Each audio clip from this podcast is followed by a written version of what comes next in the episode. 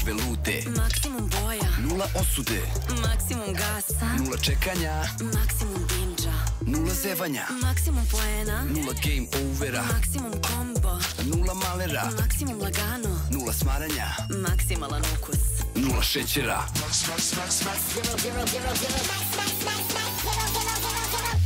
Pepsi Max, Maksimalan ukus. nula šećera. Ćao svima i dobrodošli u najnovije izdanje 99 Yardi 134B. Iako je ovo snimak, mi smo uspeli da streamujemo opet u prazno, da ne kažem da snimamo bez zvuka, ali htjeli smo sve da vam kažemo to, da već su u regu što, pa sve ide u etar, iako je snimak, ali Srki nam se svetio, možda nema zvuka u thumbnailu, ali nema, Nema zvuka nema zvuka uopšte. Tako da, dobro nam došli, bo, bolje vas našli, šalu na stranu, ali gospodin Jimmy, Sunday, gospodin Mihajlo Stefanović Miksa i naravno šećer broj 1, Vanja Milićević. Ne zameriš što si ti broj 1, ali kako se kaže? Bez bukvalno slađa. bez šećera, ali vidi kakve šećeri su ovde. Pošto mi je neprijatno neviđeno što to govorimo, da to moram da ponovim više puta. Samo tebi za ovim stolom možete da da, da, ne bude, da ne bude čudno. Bizarno u potpunosti. Ali dobro, da. Ljudi, ekipa ponovo na okupu i mnogo je lepo biti ovde za ovim stolom. Ne, ne mogu da ponovim šale koje smo u naletu inspiracije rekli Ne mora, ima u ih. prvom snimanju. E, ponosno smo rekli, ovo snimamo u utorak i to od 17 časova je trebalo da krenemo, čekaj da, da, da okrenemo ovo kako treba, e, jel te? Međutim, sada je 18.20, a u 17.54 smo bacali high five, baci kosku, uspeli smo, prefiks je 17, ovo će biti da vreme završeno, ali... Negde je pet. U Portugalu London. smo na vreme. Sigurno. Tako je, London 5, to, to. Tako je. ali da. Probali smo, namestili smo, da. testirali smo. Nema veze, znaš. Pogrešili smo, ispravili smo. Da. Sve smo stigli i u šest, da smo rekli u šest. U šest, da, da. Ne, ne, Sad bi Jimmy još uvijek tražio parking. Možda da. posto tek prvu poruku. ovako će da plati kaznu, pošteno, kako dolikuje. Nemojte kazu. Ne, nije to kazna, nije to doplatna karta. Znaš da po ustavu ne sme da bude kazna. Tako da plaćaš doplatnu kartu. Sjajno. Aj sad mi je lakše. Lakše što si platio Kako mi kartu. dosta i sutra do 7 ujutru, da. Pa vidi kako smo krenuli, hej, ko zna. Trebalo je odmah da kažem čovjeku, daj piši ovde, doplatnu kartu odmah. Da šaljem E, poruke. ne, ali vidi, ti ako platiš u narednih 7 dana 8 i platiš 50% doplatne karte. Da. da. Ne znam zašto nisam srećni zbog toga. Ali okej. Zato što ima platiš u toj reči. Da. da. ali da, ali dobro, da, da, da, da, ne, nije bitno. Da staću sada. Sad ću da stanem. U svakom slučaju, nadam se da ste nam dobro. Pre svega šaljemo jednu poruku ljubavi ozbiljne. Mazite se, pazite se, budite dobri ni prema drugima. Polako li sigurno, da kažem da iza nas neke, neki čudni period, čudni dani. Prošle nedelje smo smatrali da nije zashodno da se pojavimo pred vama i u našem prepoznatljivom duhu se šegamo, sprdamo, šalimo, kako god želite, da, da iako kako god da smo ozbiljni kada se radi o i NFL-u, opet volimo da budemo, jel te, na, na, na, na, na, nakrivo nasađeni, da se lepo šalimo. Prošle nedelje prosto nije bilo zashodno, ali verujte, o, već smo se rasplakali dva puta od smeha tokom ovog snimanja, pošto sad ko zna koja će ova verzija snimanja biti.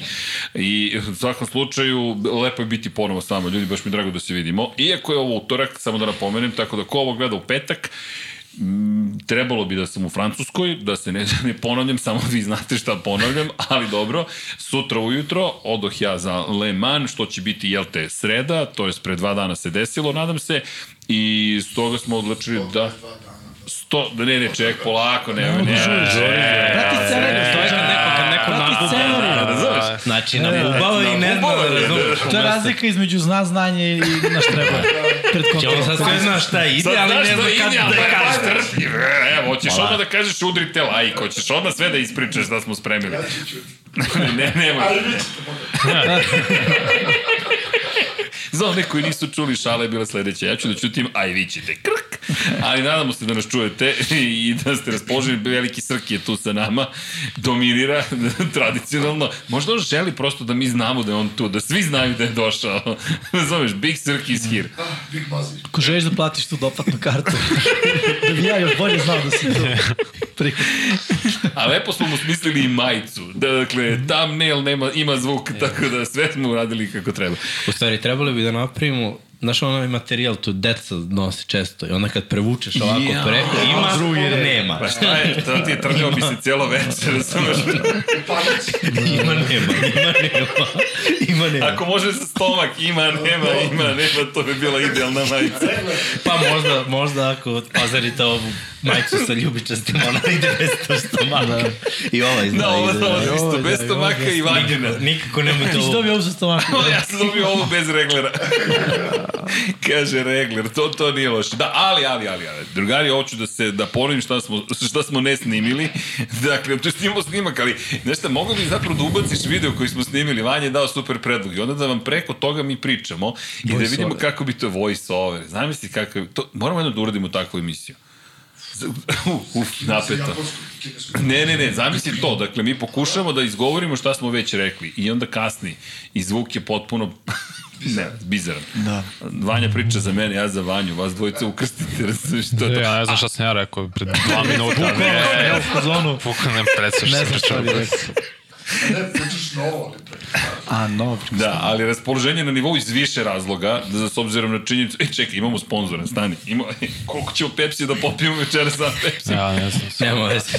Čekaj, čekaj, čekaj. Šta Bitno smo je- bitno je da je Na- bez na- šećera. Na 3-4 sad, je li tako? Da. Dakle, jeste spremni? 3, 4, sad. Opa! Evo loše, sve smo bolji i bolji. Ste čuo zvuk? Ćemo sponsor. Maksimalan zvuk. Maksimalan zvuk. A pazi, džabe sam u stvari gore ovde 5 minuta da počne emisija. Čekaj, Što ne filmom ste se. Molim vas da krenemo da popijem. Znači i sad ništa. Miksa koji čeka da otvorimo limenke, ne pije ništa i čeka, čeka, čeka. Pa dobro, Miksa, čeka si samo jedan sat, ceo otvorio vikend. Ne, Da se briga. Da. Uh, ali dobro. Da, Bitno je da Čovjek smo bez da vode sve- može tri dana. Bitno je da smo ovde sve spremni. Pepsi. A bez Pepsija. A ovo što će ja provetri, to ne znam. Što je sve otvoreno. Neću. Nemaš šta, nemaš šta da izvetri, nemaš šećer. Bravo.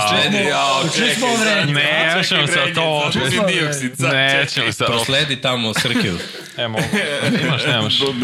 Ne, šta, ne, ne, kom šta, šta ti je, daj to blago vam, crno naftu, crno zlato. E, raspoloženje na nivou. Ali, da, lepo je, imamo e, novog sponzora, sad više nije ni toliko nov, e, vrlo smo srećni, zadovoljni i zabavni. Nemojte misliti da je stari nestao, stari je negde u Australiji trenutno, ali i stari hoće da nastavi sa nama, samo da se vrati. Ali, Faški, naravno, pozdrav za ekipu iz Dogme, e, pitali smo i Pepsi Dogmu, oni su svi rekli, ne, ne, to su sve u redu stvari, tako da držite palče da u jednom trenutku imamo čak dva sponzora, to će biti novi rekord naše emisije, ali ono što je najlepše jeste vi zapravo, 10 miliona pregleda kanala. Ti si malo pre rekao da se pohvalimo, ljudi, Pa le, lepo je to videti. Lepo je. Ovaj, nije samo zbog pregleda, nego kada pogledamo da toliki broj ljudi, 24.300 nešto subscribera, Da. idemo ka 25.000, sve to u nekom malom periodu, šta je to malo više od dve godine postignuto, mislim da je to stvarno velika stvar. Mislim, znam kako Lepi je bilo osjećaj. nekada, ja sam se bavio muzikom, imao sam kanal sa određenim brojem subscribera i tim pregledima i onda mi je bilo, znaš, u, u to vreme mi nije to toliko bilo važno. Onda sam u stvari skapirao kad sam to batalio koliko je to u stvari bilo važno i svi ti ljudi, tako kad nekad random na ulici ti ljudi sretnu ili ko sad što smo bili na Zlatiboru i momak koji radi u kafiću priđe kao brate, odrastao sam na tvojoj muzici ili ko Luka, Luka Kuzma, Kuzma mi šta, kao brate, ja ne znam šta je ovo, su neke šifre. Neko je pisao kao za tebe, znaš, i, on, i onda je to lepo. A sad želim da, da isto ovo što radimo sada bude u još većim uh, u većem obimu zahvaćenost, vidim da je region, vidim da ljudi, naročito za američki futbol, baš prate, ba, baš poštuju, baš su vezani za 99 yardi i, i kad pogledamo unazad, seti se što je bio prvi, seti se što je bio prvi cilj, znači da imamo pregleda kao SK NFL podcast, da to bude između 5 i 10 hiljada, a sada imamo klipove, ovaj jedan ima 160, 170, ovaj ima pre, nekoliko klipova preko 100 hiljada pregleda. Američki da. futbol u Srbiji i regionu. Seti se, brate, kad smo igrali, seti se... Ja ono, mislim svu publiku da skupiš u ovih 20 godina koliko se ja Tako je. 100.000. Ja, ja, znači ono malo što je bilo, da kažemo, da. stadion i Obilić, ja Da, ide da. na Adi tu Da. i tamo, To je to, brate. Na, znači, Da, na šta znači videti ovoliki broj ljudi. Nebitno da je jedan lik klikto 100.000 puta Burazeru hvala. ti. Hvala. Objasni. U to ime, klikni like 100.000 Ja puta. za nagradu kao. I subscribe. Ne, ali vidi, svaki taj like, klik, subscribe, share, to je čovek, to je ljudsko biće. I to, to, mi smo vam zahvali na tome. Dakle, ovo nije priča o brojevima. Vi niste brojevi. Vi ste naši drugarice, drugari, kako god da se osjećate, vi ste deo ekipe. Mi, mi vas gledamo kao deo naše Članovi ekipe. zajednice. Tako je. Znaš, i, i mnogo je lep taj osjećaj i mnogo je lep osjećaj da, da, da, da nešto što radiš nekom se dopada. Dakle, možemo da vas lažemo, ali nema potrebe. Zaista je lep osjećaj. Za, zaista je lep osjećaj. I iz te perspektive kad pogledaš neke stvari, kažeš sebi, wow, I onda ti još da više motiva i energije, kažeš čekaj, idemo, moramo, pa i ovo danas, dakle mi Pa je nismo utorak. dano, je- zato smo i prošli ovo. Tako je. Prva runda drafta Ej, kako do sitnih sati. Pa krenulo je s failom, a ispalo je vrhunski. Ali opet i to je neka draž, znaš, gde da. si uh, ubacili smo sve, probali smo, bio, bio, bila zamisla da krenemo na vreme, samo smo imali uh, mnogo grafika, program je jednostavno OBS je flipnuo, rekao samo je doviđenja. rekao, ćao. Doviđenja. Crna slika, mi krenuli sa crnom slikom, ja gasim, stavim novi stream, ljudi se kače,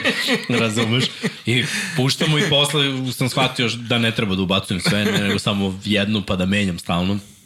I, ovaj, I bukvalno smo prošli malo po malo, druga runda, to smo već znali recept, tu nije zabolo ni jednom, ljudi su pratili s nama, pričali uh, i, i to mi je u stvari lepo, zašto sam stvarno vidio sve vreme je bilo preko 250 ljudi u live, znači A, sitno u noć. A da, ma, jednu smo krenuli kad je bilo dva ujutru, ovo drugo smo U krenuli jedan. u, u jedan, ali oba puta smo bili do 5-6 ujutru. Da. I, Ma, lepo pazi, sve vreme, znači, ljudi prate, ljudi gledaju, ljudi ovo vole i ljudi koji nisu mogli, gledali su nakladno i verujem da im je bilo zabavno uh, da, da pogledaju to sa nama. Pritom smo izbacili tega da, da nije samo znaš, slušaš i gledaš nas, nego smo se potrudili da vidiš i tim i da vidiš Da. da. sliku i da vidiš Samo da igrače i da vidiš neke njegove atribute. Ako smijem kao najstariji da iskoristim to, to, to, to nije ni čak privilegij. Da, ne, ne, ne, ne, ali samo bih da kažem zaista trud koji je iza kulisa je ogroman, a nas nema više. Dakle, isti je broj ljudi, bolja organizacija, komunikacija, kako god.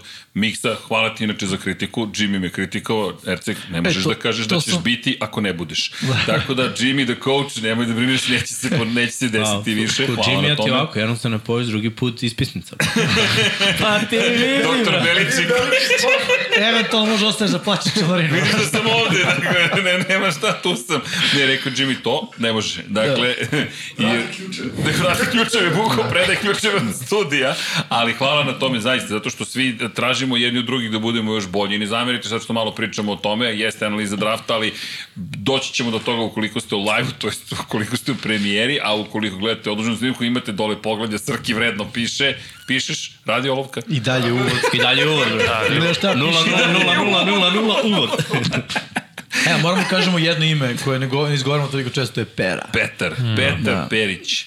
Petar Perić. Bukvalno se zove tako i preziva, da ne mislite da se šalimo, da izmišljeni lik. Jer čovjek često završi na, na, na billboardima, Petar Perić stavljaju na, na, na reklame za kreditne kartice za osiguravajuće društva, piše Petar Perić. Kao, sigurno se niko ne zove Petar Perić. E, on pa je- mi imamo naše. Opa, Petar Perića. Tačno sam znao šta se desi.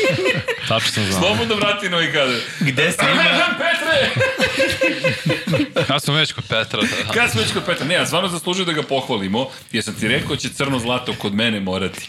Dakle, Petar Perić, ali pošto nema šećera, neće se ulepiti. A, idemo, sponsor. Ting, ting, ting, ting, ting.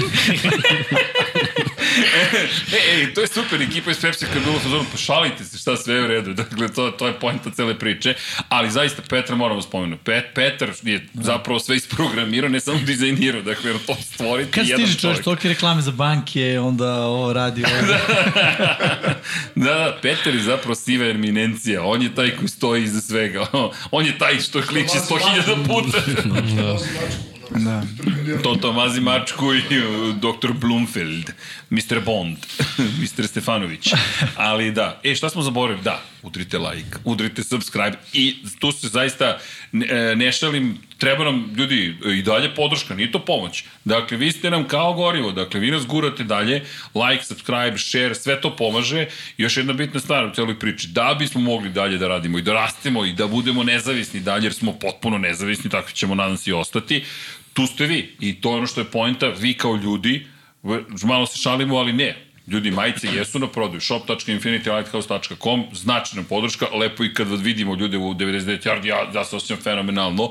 I još jedna bitna stvar u celoj priči, a to je patreon.com kroz Infinity Lighthouse, bukvalno svaki novi član je i tekako bitan zato što nam pomaže da i uradimo još bolji posao, da budemo tu i noću sa vama i tako dalje i tako dalje. Tako da i vama aplauz, ljudi, svaka čast za ono što ste uradili. Ja sam u nekom trutku probudio i bio u fazonu, da čisto se zna gde sam, ne pravdam se, nemam opravdanje treneru, tako da spremio sam ispisnicu, ali činjenice, potrudit ću se da je ne dobijem, ali je point u tome da, da, bio MotoGP F1, nema opravdanja. Ako kažem da ću biti tu, moram biti tu. Tako da, a, svaka čast za ono što sve što ste radili. Stvarno je bilo zadovoljstvo gledati i, i, i u snimku proći kroz sve. Respekt. O, zato si sad tu. Zato sam sad tu. Nema, Zato imaš sad uvo do vrtanja. 20 minuta. E da, Da zaradiš to što nisi znaš. airtime. E, taj, tako je, tako je. E, Srđan piši to. Uvod, pa Podcast. E, ali da. I e, šta smo rekli, 122 dana do početka sezone. Hoćemo li zapravo 119 kada je petak, to je Vanja izračunao, dakle, u stolodi Vanja živi u military style, dakle, Svako jutro kad se probudi. Trežakan jedan dan, tako. da. Tako i treba, ali ljudi ćemo mi do 122 dana završiti ovaj NFL draft analizu. Hoćemo. Hoćemo, hoćemo, možemo vama da da krenemo i odmah da kažemo da smo išli redosledom kako su grafike bile ovaj, izbačene, tako da krećemo od eh, NFC severa, prvo ćemo proći NFC i sever i krenuli smo od Chicago. Chicago je dve godine bio uh, najsla- najslabija ekipa u NFL-u, dosta promena, dosta tu igrača koji su bili nosioci franšize su otišli, ne samo od uh, najbolje pozicije koja zapravo nikada nije bila ni rešena, pozicija kvotrbeka, Dali su svašta za Mičela Trubiskog, nije se isplatilo, pokušali su sa nekim drugim igračima, doveli Kalila Meka, probali sa tim tradeom, ušli dva puta u playoff, ali to je samo bio pokušaj da se oni vrate na one puteve stare slave poslednji put kad su bili relevantni zapravo 2006. i Super Bowl. Od tada onako tu i tamo, ali ništa dobro i sad je stvarno bila katastrofa poslednje dve godine ko prati ovaj podcast redovno zna moje mišljenje i krivo mi je što je tako jer je Chicago jedna dobra franšiza, ali sada su rasprodali sve te igrače, dobili su draft kapital i kao što možete vidjeti i ovde, za malo još jedan pad. za malo još jedan Ok, ovo pad. je van kadra, Treba nam uvek kadra. četvorka da radi, znaš, ono. E, stiže nam novi neki alati, tako da će se sve četiri kamere snimati, pa ćemo moći iz više uglova da posmetramo Da. sve situacije. Kako da, da. Ajde da kažemo ovako, e, Chicago je odlučio da odmah e, da podršku svom quarterbacku, mnogo sekova je bilo prethodne dve godine, ne samo zbog nesazrevanja Justina Fieldsa, već zbog toga što je ofenzivna linija bila pakleno loša, Uh, takođe i skill je bio upitan, prošle godine su našli dva dobra playmakera, Vanja smo pričali o tome čitave sezone, cornerback i safety to kada pronađeš da budu starteri, znači da, da si krenuo u neki rebuild, radiš dobar posao. I ovde uh, su birali, uh, Chicago mogao da bira naravno na samom vrhu drafta, ipak su oni odlučili da uzmu više pikova, da odu malo dole, da trade downuju, kako bi se to reklo po američki, jel te? I izabrali su uh, u prvoj rundi 10. pika Darnella Wrighta, ofanzivnog tekla. U drugoj rundi Gervona Dextera, defanzivnog tekla. Pa onda u drugoj rundi takođe tri pika razlike je bilo, pa cornerback, uh, Tyreek, uh, Stevenson, koji bi mogao da bude takođe starter, Zach Pickens, defanzivni tackle, što znači da Chicago očigledno želi da fokus bude ponovo na jakoj defanzivnoj liniji i odbrani koja njih čini. Izgubili su Rokoana Smitha, dali su ga Baltimore i tu su dobili neke pikove. Izabrali su Roshona Johnsona, running backa, ostali su i bez svojih running backova takođe, mm. Montgomery je otišao, uh, mislim da i pre toga Doveli Da su imali... Dante Formana i tu je Khalil Herbert. Da, tako a, ali pre da. toga su isto imali uh, Kojen je bio? ne, ne, ne, koji je bio ovaj, Oni mali što je posle otišao... Jordan Howard je bio koji je Jordan otišao u Howard. film. Aha, da. dobro, da, on je- O, on je imao O, hiljadu, da. hiljadu yardi u prve tri sezone sa njima. Znači, prvo su se rešili njega, pa Montgomery'ama koji ga je menjao, što znači da će oni štancovati running backove. Što negdje jeste trend u NFL-u sada. Pa jeste, da. Niko se ne komituje na, ono, kad je Zeke otišao iz Dallasa, sve Pa moguće. nemaš više zvezdu, redke su zvezde running backovi. Jeste. I onda kao tra, pozicija gubi atraktivnost zbog toga što manje više ti se svodi na jedno. Gubi Možeš samo da vrednost. trčiš. I rok, i rok trajanje mali. Upravo to. I onda kup, kupiš, ali razmišljaš već da zameniš. Mm. Bukvalno kad si kupio već razmišljaš o sledećem. Tyler Scott u četvrtoj rundi, uh, hvataš sa univerziteta Cincinnati, no a Sewell linebacker Inače sa, mlađi sa Oregona, da. Brat Peneisu. Mm. Baš smo Vanja i ja pričali o, o njemu, imao je odličan, da kažem, highlight iz srednje škole i dobru prvu sezonu na Oregonu, međutim, Vanja, ti nisi odušen njime. i- Nisam bio on najbolji ocenjen linebacker, izlazio iz srednje škole, najbolji prospekt što se tiče koleđa, super prva godina, ali dve ostale godine na Univerzitetu Oregon stagnirao. Oni su imali obojcu najboljih linebackera godinu s godinu su došli kod njih i ni jedan ni drugi se nisu pronašli iz nekog razloga, da li zbog sistema ili ne, ali ovde će mi se super da se uklopi Suel i ima od koga da uči, od Edmundsa i od TJ Edwardsa. Da. Da, ali po meni činjenica da je to ušao kao najbolji prospekt uh, iz srednje škole, onda nije pokazao puno govori da ima tendenciju da kada dođe na veliku scenu da se ne bavi futbolom. Pa možda, možda nima coaching staff koji Možda, bi, ali ono Oregon... koji bi ga iz... Nije Oregon po odbrani poznat, Pa, Istina, svega. istina, da. Nije ni u poslednje vreme me- me- u vrhu univerziteta, Istina, naročito da. to defensivno. Terrell Smith, cornerback, uh, takođe izabran i Jimmy, ako ti vidiš ovo, Travis, Travis Bell, Bell. defanzivna linija Kennesaw State, Kennesaw, Kennesaw State. Da, State i na kraju Kendall Williamson, safety sa Stanforda, pik sedme runde, broj 258. odbranbeni draft, izabrali su samo dva ofenzivna igrača, ofenzivnog tekla prvu koji im je bio preko potreban i to je vrhunski pik i nakon toga jednog hvatača u kasnijim rundama, čisto da su potpuni ekipa. Ja i running back isto. Ima, ima to smisla, pa da, i ranije, tri ofenzivne igrače. Ima to smisla, uh, deluje mi to sve u redu, mislim da Chicago čeka jedan dug rebuild, ali ono što je dobro za njih, čitava divizija koju ćemo sad, by the way, proći, je malta ne u nekoj fazi rebuilda, pa čak i tamo Minnesota koja je bila u play-offu prošle godine, uh, menja neke igrače, njihov napad je okej, okay, ali defanzivno idu i oni u rebuild, tu će se promeniti mnogo toga, mogu da naborimo od sad kad budemo bili 5-6 igrača koji su otišli iz Minnesota, da, da. Green Bay, odlazak Rodgersa, je rebuild, mislim, moramo da budemo svesni toga i prošle godine je bila neka, neki mini rebuild u napadu što se tiče skillova, naročito na hvatačima i onda dođemo do Detroita koji je već godinama u rebuildu i prošla godina je bilo onako izlazak iz rebuilda, krenuo da. u, ne, u nekom smeru. Tako da ovo pravi trenutak, ne, ne mora da postoji neki pritisak za rezultat, ajde da krenemo, tipa, ajde se maknemo od 3-4 pobjede, da, da probamo da to bude kao što smo stavili kad budemo videli rasporede, kad budemo analizirali, da li oni mogu da izvuku ono 5 do 7? Ej, mogu. Mo, moje mišljenje je da mogu, a sad ću ti reći zašto. Ako kombinujemo draft sa free agencyjem, koji isto bio dobar. Da, sad ima- doveli sad imaju zvezde. Da, u free agency su doveli ofanzivne igrače, fokus je bio uglavnom na tome, na draft i draft je bio defanzivan. Mislim da je to odlična strategija bilo koje ekipe, pogotovo Chicago koji ima mladog quarterbacka, kažem, doveli su mu ofanzivno oružje koje su iskusna. Mladom quarterbacku nije baš pametno kružiti ga e, mladim hvatačkim korpusom ili, ili generalno mladim e, saigračima u napadu, jer je pitanje šta radiš. On te gradi iskustvo, ostali oko njega gradi iskustvo. Dali su mu veterane, veterane, iskusne igrače na, na, na team skill pozicijama pre svega, E, odbranu su obnovili u tom smislu da su doveli, draftovali dosta, e, dosta mladih igrača i negde sam pogledao jedan, jednu zanimljivu analizu, to sam i podelio u, u grupi, kako su ekipe raspolagale svojim draft kapitalom i koliko je toga investirano u napad, koliko u odbranu. I neka analiza onako moja kada pogledaš e, ekipe koje ulažu dosta na draftu u napad su ekipe koje nemaju jasan plan gde će i šta će i koje nemaju pojma kako će naredne 2-3 godine izgledati, odnosno može biti i ne mora. Ekipe koje su okrenutije ka, ka defanzivnim draftovima, obično su ekipe koje su stabilnije i koje već imaju sređenu situaciju u napadu i onda se fokusiraju na odbranu da lagano menjaju. Chicago negde u sredini, to je ono što je zanimljivo. Što negde iz te perspektive, da kažem, njihovog front ofisa, delo je da veruju da mogu ove sezone da nešto naprave. I zbog toga bih i rekao da mogu da im dam uh, ono, aj kažem odmah 7 pobjeda. Pa pazi, da ću Ne pričamo još o tome, ali mm. -hmm. ono kao, da ću im odličnu ocenu, ako računali free agency i draft, prvo moramo da stavimo i u draft DJ Mura, koji su matne mm. -hmm. dobili u tradu sa Karolinom, to je hvataš broj 1 odma, to je Claypool, to je Mooney, draftovali su Tyler Scotta, mislim da je on više speedster, pošto je malo niže građe, ofenzivna linija bila ključna, imaju sad desnog tekla sa Wrightom, ovo ostalo odbrane što su draftovali je dubina, pre svega u defensivnoj liniji, mislim da eventualno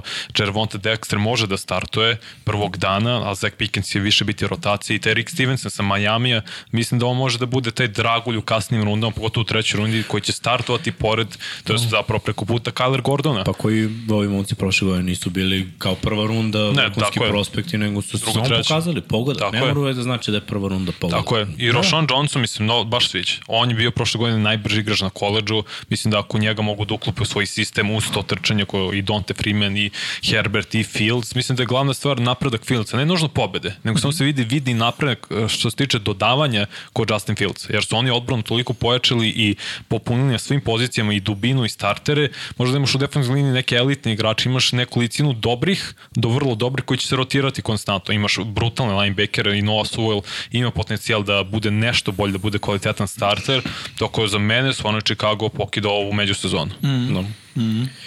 Dobro, Ajmo dalje. Oč- Očekivanja su velike, idemo dalje, dalje odmah Detroit. Uh, Detroit je ekipa koja je takođe prošle godine dobila najvažniju onu utakmicu na kraju. Taj breaker odlučio da oni ne idu, ne idu u playoff, ali ono što je bilo dobro jeste taj neki naš utisak da je Detroit sa dobrom energijom, da je Detroit napravio promenu, da Detroit uh, konačno ima coaching staff koji može da ih odvede daleko. E sada, napad Detroita je bio mnogo dobar prošle godine, odbrana nije i ono što smo mi očekivali jeste da se defanzivno pojačaju. E sad, kako je ovaj draft krenuo, imali smo iznenađenje. Iskreno, kad je krenuo draft, kad je bila prva runda na samom početku, prvi pik uh, Jamir Gibbs, meni je to delovalo loše, jer Jesi ti izgubio Williamsa, Williams je powerback koji je prošle godine predvodio NFL po broju istočanih touchdownova. Menjaš ga totalno drugačijim igračima. I odmah čim sam vidio Gibsa, meni u glavi bilo ne, neko šuškanje koje sam ja načao da Swift ide u Philu, jer Philly treba takav tip beka i bukvalno se to desilo malo kasnije. Ali onda na kraju 18. pik Jack Campbell, linebacker, pa onda smo pratili drugu rundu gde su oni izabrali Sema Laportu, tight enda, koji može da im pomogne, jer nemaju pravog tight enda koji blokira, koji radi play action, Jared Goff, tight end, to ima smisla, i Brian Branch koji je vrhunski pik na 45. Odličan I onda kad pogledam tu, kad sam podvuku liniju, bio sam u okej, okay, ovde su se oni izgledili. Znači, možda nije imalo smisla, redosled, kojim su birali, ali na kraju kako su izabrali prvo četiri pika, i, ima smisla za njih. Aj samo Mogu kažemo, to da iskoriste. Moja, moja pretpostavka je da je sa Swiftom postao problem, sigurno. I da su oni pa, pre drafta znali da će Swift da ide. Znaš koji je problem? Da. Da. Znaš koji je problem sa Swiftom? Sa Swiftom je problem što nije bio dostupan na svim utakmicama i zato što su oni videli da Swift može više. Swift je ove godine igrao vrhunski. Samo uh, imaš pleve i, i gledao sam tu analizu pleva, gde, gde je on mogao, s njegovim talentima, je mogao tipa da spusti rama, on izađe nekad do auta, mogao je cutback, uzme još 20 yardi ili ne znam, baci se da taš A što su onda Williamsa dali? To mi nije jasno. Williamsa, ne znam, da, da, Da, što nije bio su plan, onaj su tradujemo ponudili malo. Ovoga i uzmemo ga iza... Pa, Možda i da obnove, da podmlade. Mislim, ne znam sad, David Mon- Montgomery je malo mlađi od Williamsa. Da, ali menjaš Gibbs malo je- energiju Nije, ekipe da, i sve. to. Jedan, igrač. Williams je bio u slačionici i vodio je nekako ekipu drugačije. Ne znam da li će to da bude tako. E sad, coaching staff verovatno ima neku svoju filozofiju, oni verovatno nisu žele da daju toliko kinte, Montgomery i Gibbs su jeftiniji, mislim, od Da. Williamsa Jesu. i Swifta, prioritom su dobili u, u toj razmeni sa, sa Philom nešto, ali znaš šta, Phila ima taj talent da izdigne Swifta na više nivo, jer oni igraju read option i to je igra koja Swiftu više leži nego ovo što je igrao do sada. Tako je. On nije power back, u kombinaciji sa Jelenom Hurtsom, on može da se izdigne na viši nivo. znaš. Apsolutno. I pritom, ja mislim da, da čitav run game Filadelfije može njega da, da podigne na više nivo. A sada idemo ove druge pikove, Hendon Hooker, quarterback, ok, treća runda, čisto da, da, da si ima neko na depth chartu, vidiš, probaš, učit će iza Goffa, ko zna šta je to. Moje neko mišljenje da ova klasa quarterbackova generalno nije dobra da, da startuje, ali odmah, ali vidjet ćemo, to se nikad ne zna. Brodik Martin, defanzivni tackle, Colby Solsdal ofanzivni tackle i hvatač u sedmi rundi Antoine Green. Uh, Mhm. Oni imaju suspenziju uh, ovog malog uh, Williamsa. Jamison, da. Mhm.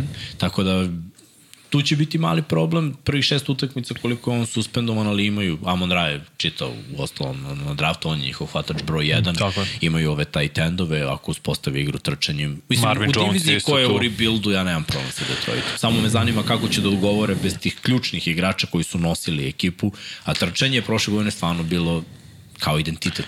Biće, Detroita. biće dobro. Mislim da prvi na, da skrenemo pažnju ljudima piše lova i to je Ajova jer sistem svaki put zameni to L sa velikim i stavi ga u L iz nekog razloga da se ne zbune ljudi, ono je Jack Campbell i Laporte sa Ajove, ali meni se najviše sviđa pik Kendall Hookera u trećoj rundi.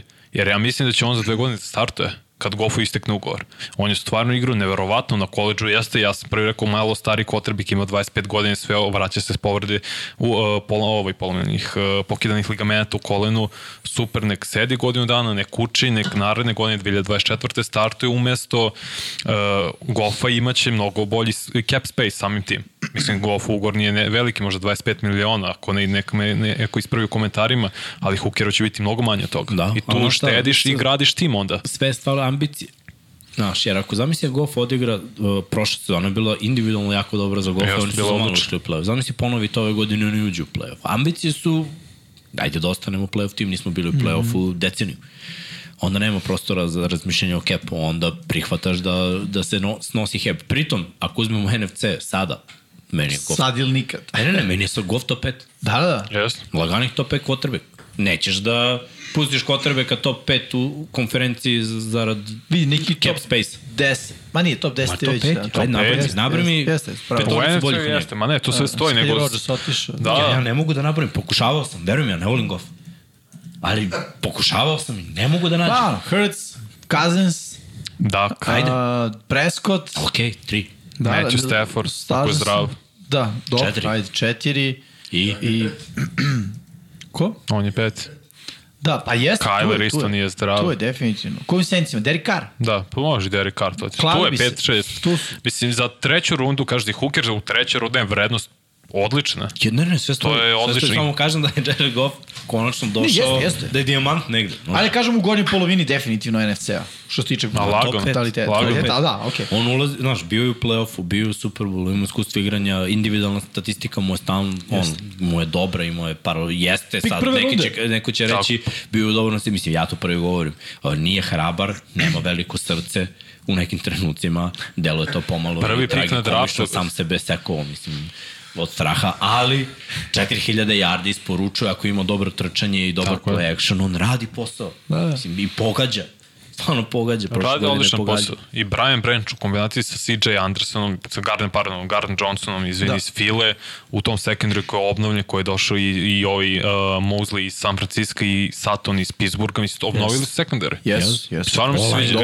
Online je top 3 ofenzivna linija u ligi, sigurno. Znači, Zato stvarno. Goff igra bolje, Tako je. znaš, njemu to treba, sigurnost. I rekao bih samo onaj, pogledao sam onaj grafikon, oni su peta ekipa uh, koje, kada gledamo po tome šta su dali ofanzivno. Znači, fokusirali su ipak na neki ofanzivni draft, mada prilično izjednačeno, ajde, peti su kada gledamo šta su dali, koliko su draft kapitala iskoristili za napada, sedmi uh, za odbranu. No, ba imali su pikove. Eto, Da. Je jedna od ekipa koja je malo, malo više pikova. Još, dobro, dali su tight end do sada. Da. Tradovali su Hawkinsona, draftovali su novog, još jednu opciju u napadu, pored Gipsa, pored Amon St. Browna, pored Marvin Jonesa, mlađeg vratit će se Jameson Williams. Mislim, dobro, tu su oružje sve, to su Ima, dobro da. oružje. Stvarno i napad opet nije bio problem. Zamenili su neke stari igrače sa nekim mlađima. Možda čak mislim da je Gibbs može bude bolji od Williamsa i od Swifta. Tako da nema problem, samo je možda redosled draftovanja određenih igrača bio upitan, ali ako ti se sviđaju igrači koji si ti izabrao, njih si hteo, mislim da za tim nije bitno koja je pozicija, nego samo da izabereš svoje igrače. Dosta je. Da, Ajmo možemo, dalje, da. možemo dalje, da. Sledeći idu Green Bay je- Packersi. Izbacuju nas iz kadra. I nema mesta za vas. Green Bay, Green Bay Packersi su nas izbacili. Ali dobro, dosta pikova, trebalo je, trebalo je birati, trebalo je Odlučili su se za rebuild, odmah pre drafta smo imali vest o Rodgersu koji je otišao u Jetse i Green Bay Packers iskreno sa ovim rebuildom, sa ovim potezima i u free agency-u i sada na draftu idu u smeru da uđu u playoff. Ovako, ajde da kažemo, prva runda, Lucas Van Ness, edge rusher sa Iowa. uh, Luke Musgrave, tight end, jedan od boljih tight endova i opet mm -hmm. vrlo značajan jer nisu imali tight enda, tight end otvara play action, tight end otvara zonsko trčanje, sve to oni forsiraju, backfield im je i dalje stabilan i online da kažemo, imaju konstantno prave dobar online i kad neko ode, a eto, neki igrači su već otišli i prati, ispratili Rodgersa, neki su ostali. Jaden Reed, eh, hvatač, još jedan hvatač iz druge runde i prošle godine dvojicu su draftovali, tako da se ide u smeru mladih hvatača. Uh, Tucker Kraft, inače da kažemo da su izgubili dva hvatača koji su ispratili takođe Rodgersa, ali dva klinca su im ostalo od prošle godine i pritom evo ga još jedan.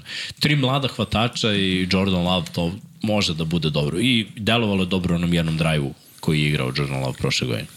Take Kraft, uh, tight end, to nam govori definitivno da će biti run first ekipa. Da, da. I ima smisla s obzirom na orijentaciju trenera koji voli da trči i da igra play action. A i Jordan Love koji bi mogao da istrči. Tako je, i radio je to, Da. da. to malo što smo ga videli da igra prošle godine. Prošle godine on igrao na jednom drugom nivou odnosno na ono pre što smo ga videli. Colby Wooden, edge rush sa Oberna, u petoj rundi Sean Clifford, quarterback, još jedan dubina. Jo, još jedan, da, pa ajde da kažemo dubina. Uh, Dentavion Dix, hvatač, kad ovakva imena. Znači, bukvalno, ako ste gledali Key Dentavion. Pill, pa kad krenu ono, šale sa, sa imenima sa koleđa, pa ako niste pogledajte taj klip, oplakat ćete. Carl Brooks u petoj rundi, defanzivni tackle, Bowling Green, šesta runda, Jimmy preuzima. Anders Carlson Kicker sa Oburna. To je zanimljivo. Pa Draft dobro, šesta runda. da, okej. Kicker im ima 100 godina. Tako je. Ceo je sed, da. mislim, tako da i, ima smisla.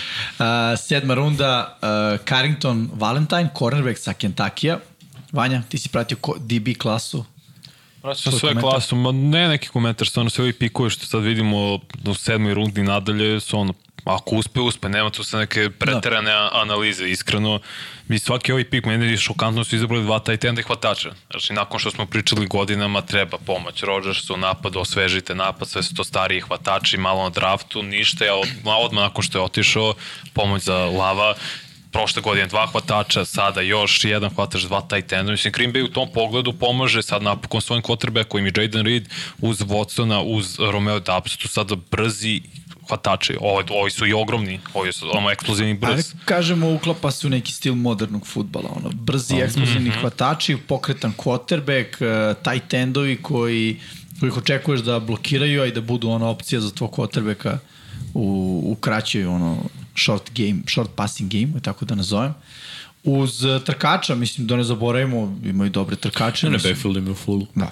Tako da, Srki, možemo samo da pročitamo do kraja, da vratiš samo grafiku, da ispratimo još posljednjih, čini mi se, posljednja tri pika.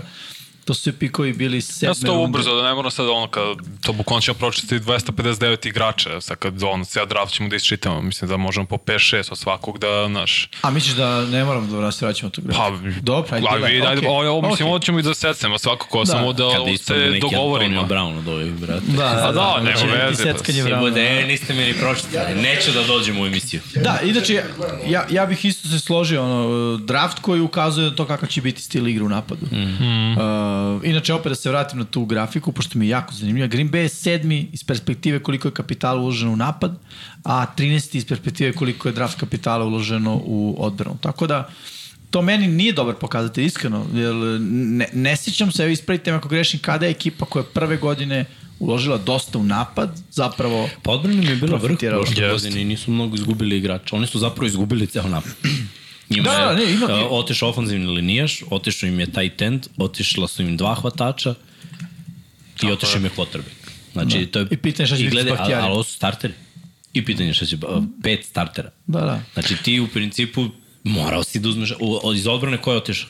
A redko, evo sad čitam odru, Kenny Clark je tu, Devonte Wyatt, Preston Smith, Devondre Campbell, Quay Walker, Sean Gary, mislim, Jair Alexander, Darnell Savage, Russell Douglas, sad Van Ness je prva runda draftu Kad draftova. je već popunjeno i bilo Odbrana je dobro. baš Ne, popunjena. ok, samo da kažem, napad. e, to znači sledeće godine treba igrati napad, što je uvek teže nego igrati Naravno, odbranu. pa dobro, ali I što znači da će, da, da, upravo to, ovo će biti ono prva godina rebuilda i po meni ako uđu u play-off, brutalna godina. Brutalna godina, biće. ali mogu da vidim da ne uđu u play-off ove Isto, godine. biće napeto. Biće napeto baš... Ajde vidimo onda dalje, ko nam je ostalo? Da, Minnesota? i Minnesota, samo kažemo i za Mhm. Green Bay, produžili su ugovor, ne znam da ste to napomenuli, Jordan Love. Znači Da, na da, tu na petu godine. ide još jedna, tako Da, je. da. Umesto da bude opcija za pet, Da. jer je pik prve runde bio dve godine ugovor i Tako je. isplativo i za njega i za njih. Da. Dobar posao. Što se tiče Minnesota, malo pikova za njih, ali eto, oni su odlučili da se pojačaju. Izabrali su još oružje u napadu.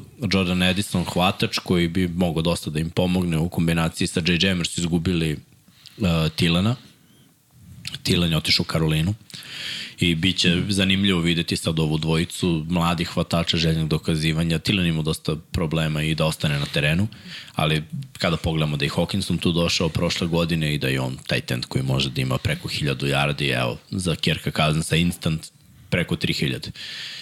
Uh, Mekai Blackmon, cornerback, trebao im je cornerback koleba, izabrali su ga u trećoj rundi i treba reći da Minnesota nije imala mnogo pikova, ali morali su da izaberu startera, vidjet ćemo da li ovaj momak može da bude starter. Uh, secondary im je bio problem kao i linebacker, linebacker baš nisu uh, uspeli da zamene ove igrače njihove, jer su imali pre par godina tri vrhunska linebackera, sad ćemo videti šta će to da bude.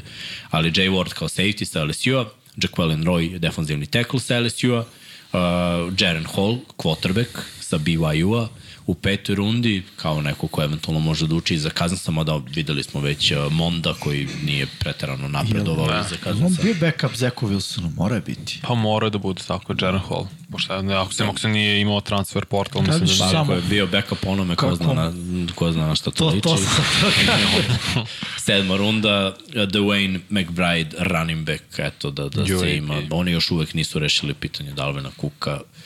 Ne znam šta će tu da bude. Mislim, Minnesota je u mini rebuildu. Ovo je, ok, imaju oni zvezde. Imaju Kotrbeka koji je zvezda, imaju hvatača koji je najveća zvezda trenutno. Mm -hmm.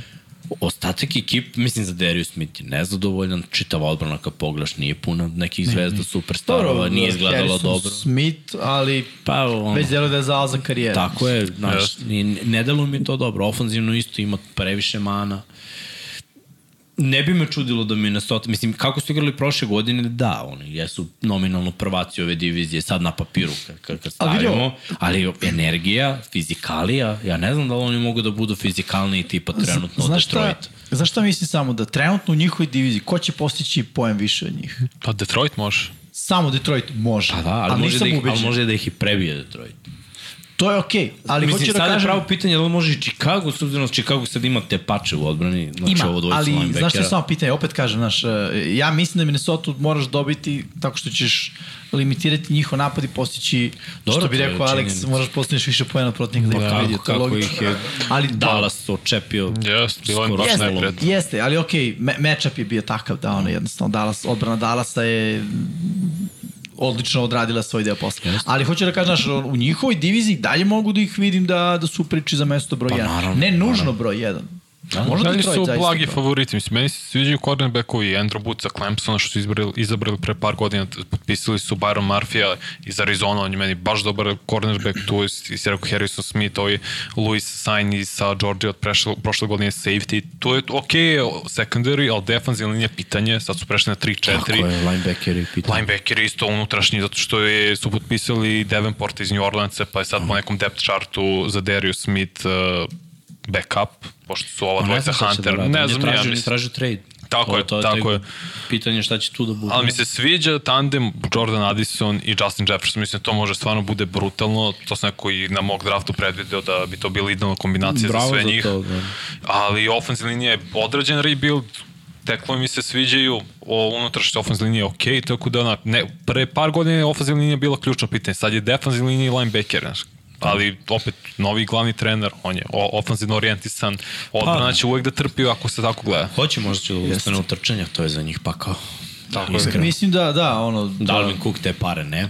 Rezervista produktivnost dole. Da. I ne, ne, ne ide to u smeru mnogo poena. Može ali- KJ Osborne da se m, da ima neku breakout godinu, kao Može, te hvataš da, broj pogledaj, 2 ili ali 3. To će biti oni. Oni će sad biti ekipa koja ono, spredi pregijenje. Da, da. Ali protiv, znaš, bukvalno će ih neko skautovati dobro posle mesec dana i bit će on, naročito u diviziji, ako igrač prvu utakmicu prvih meseci, onda sačekaš tamo pri kraju, druga utakmica će to biti, mislim, Slažem se. Toga Slažem se. moramo biti Zato svesni. mislim da je njihov domet najdalje ulazak u play-off.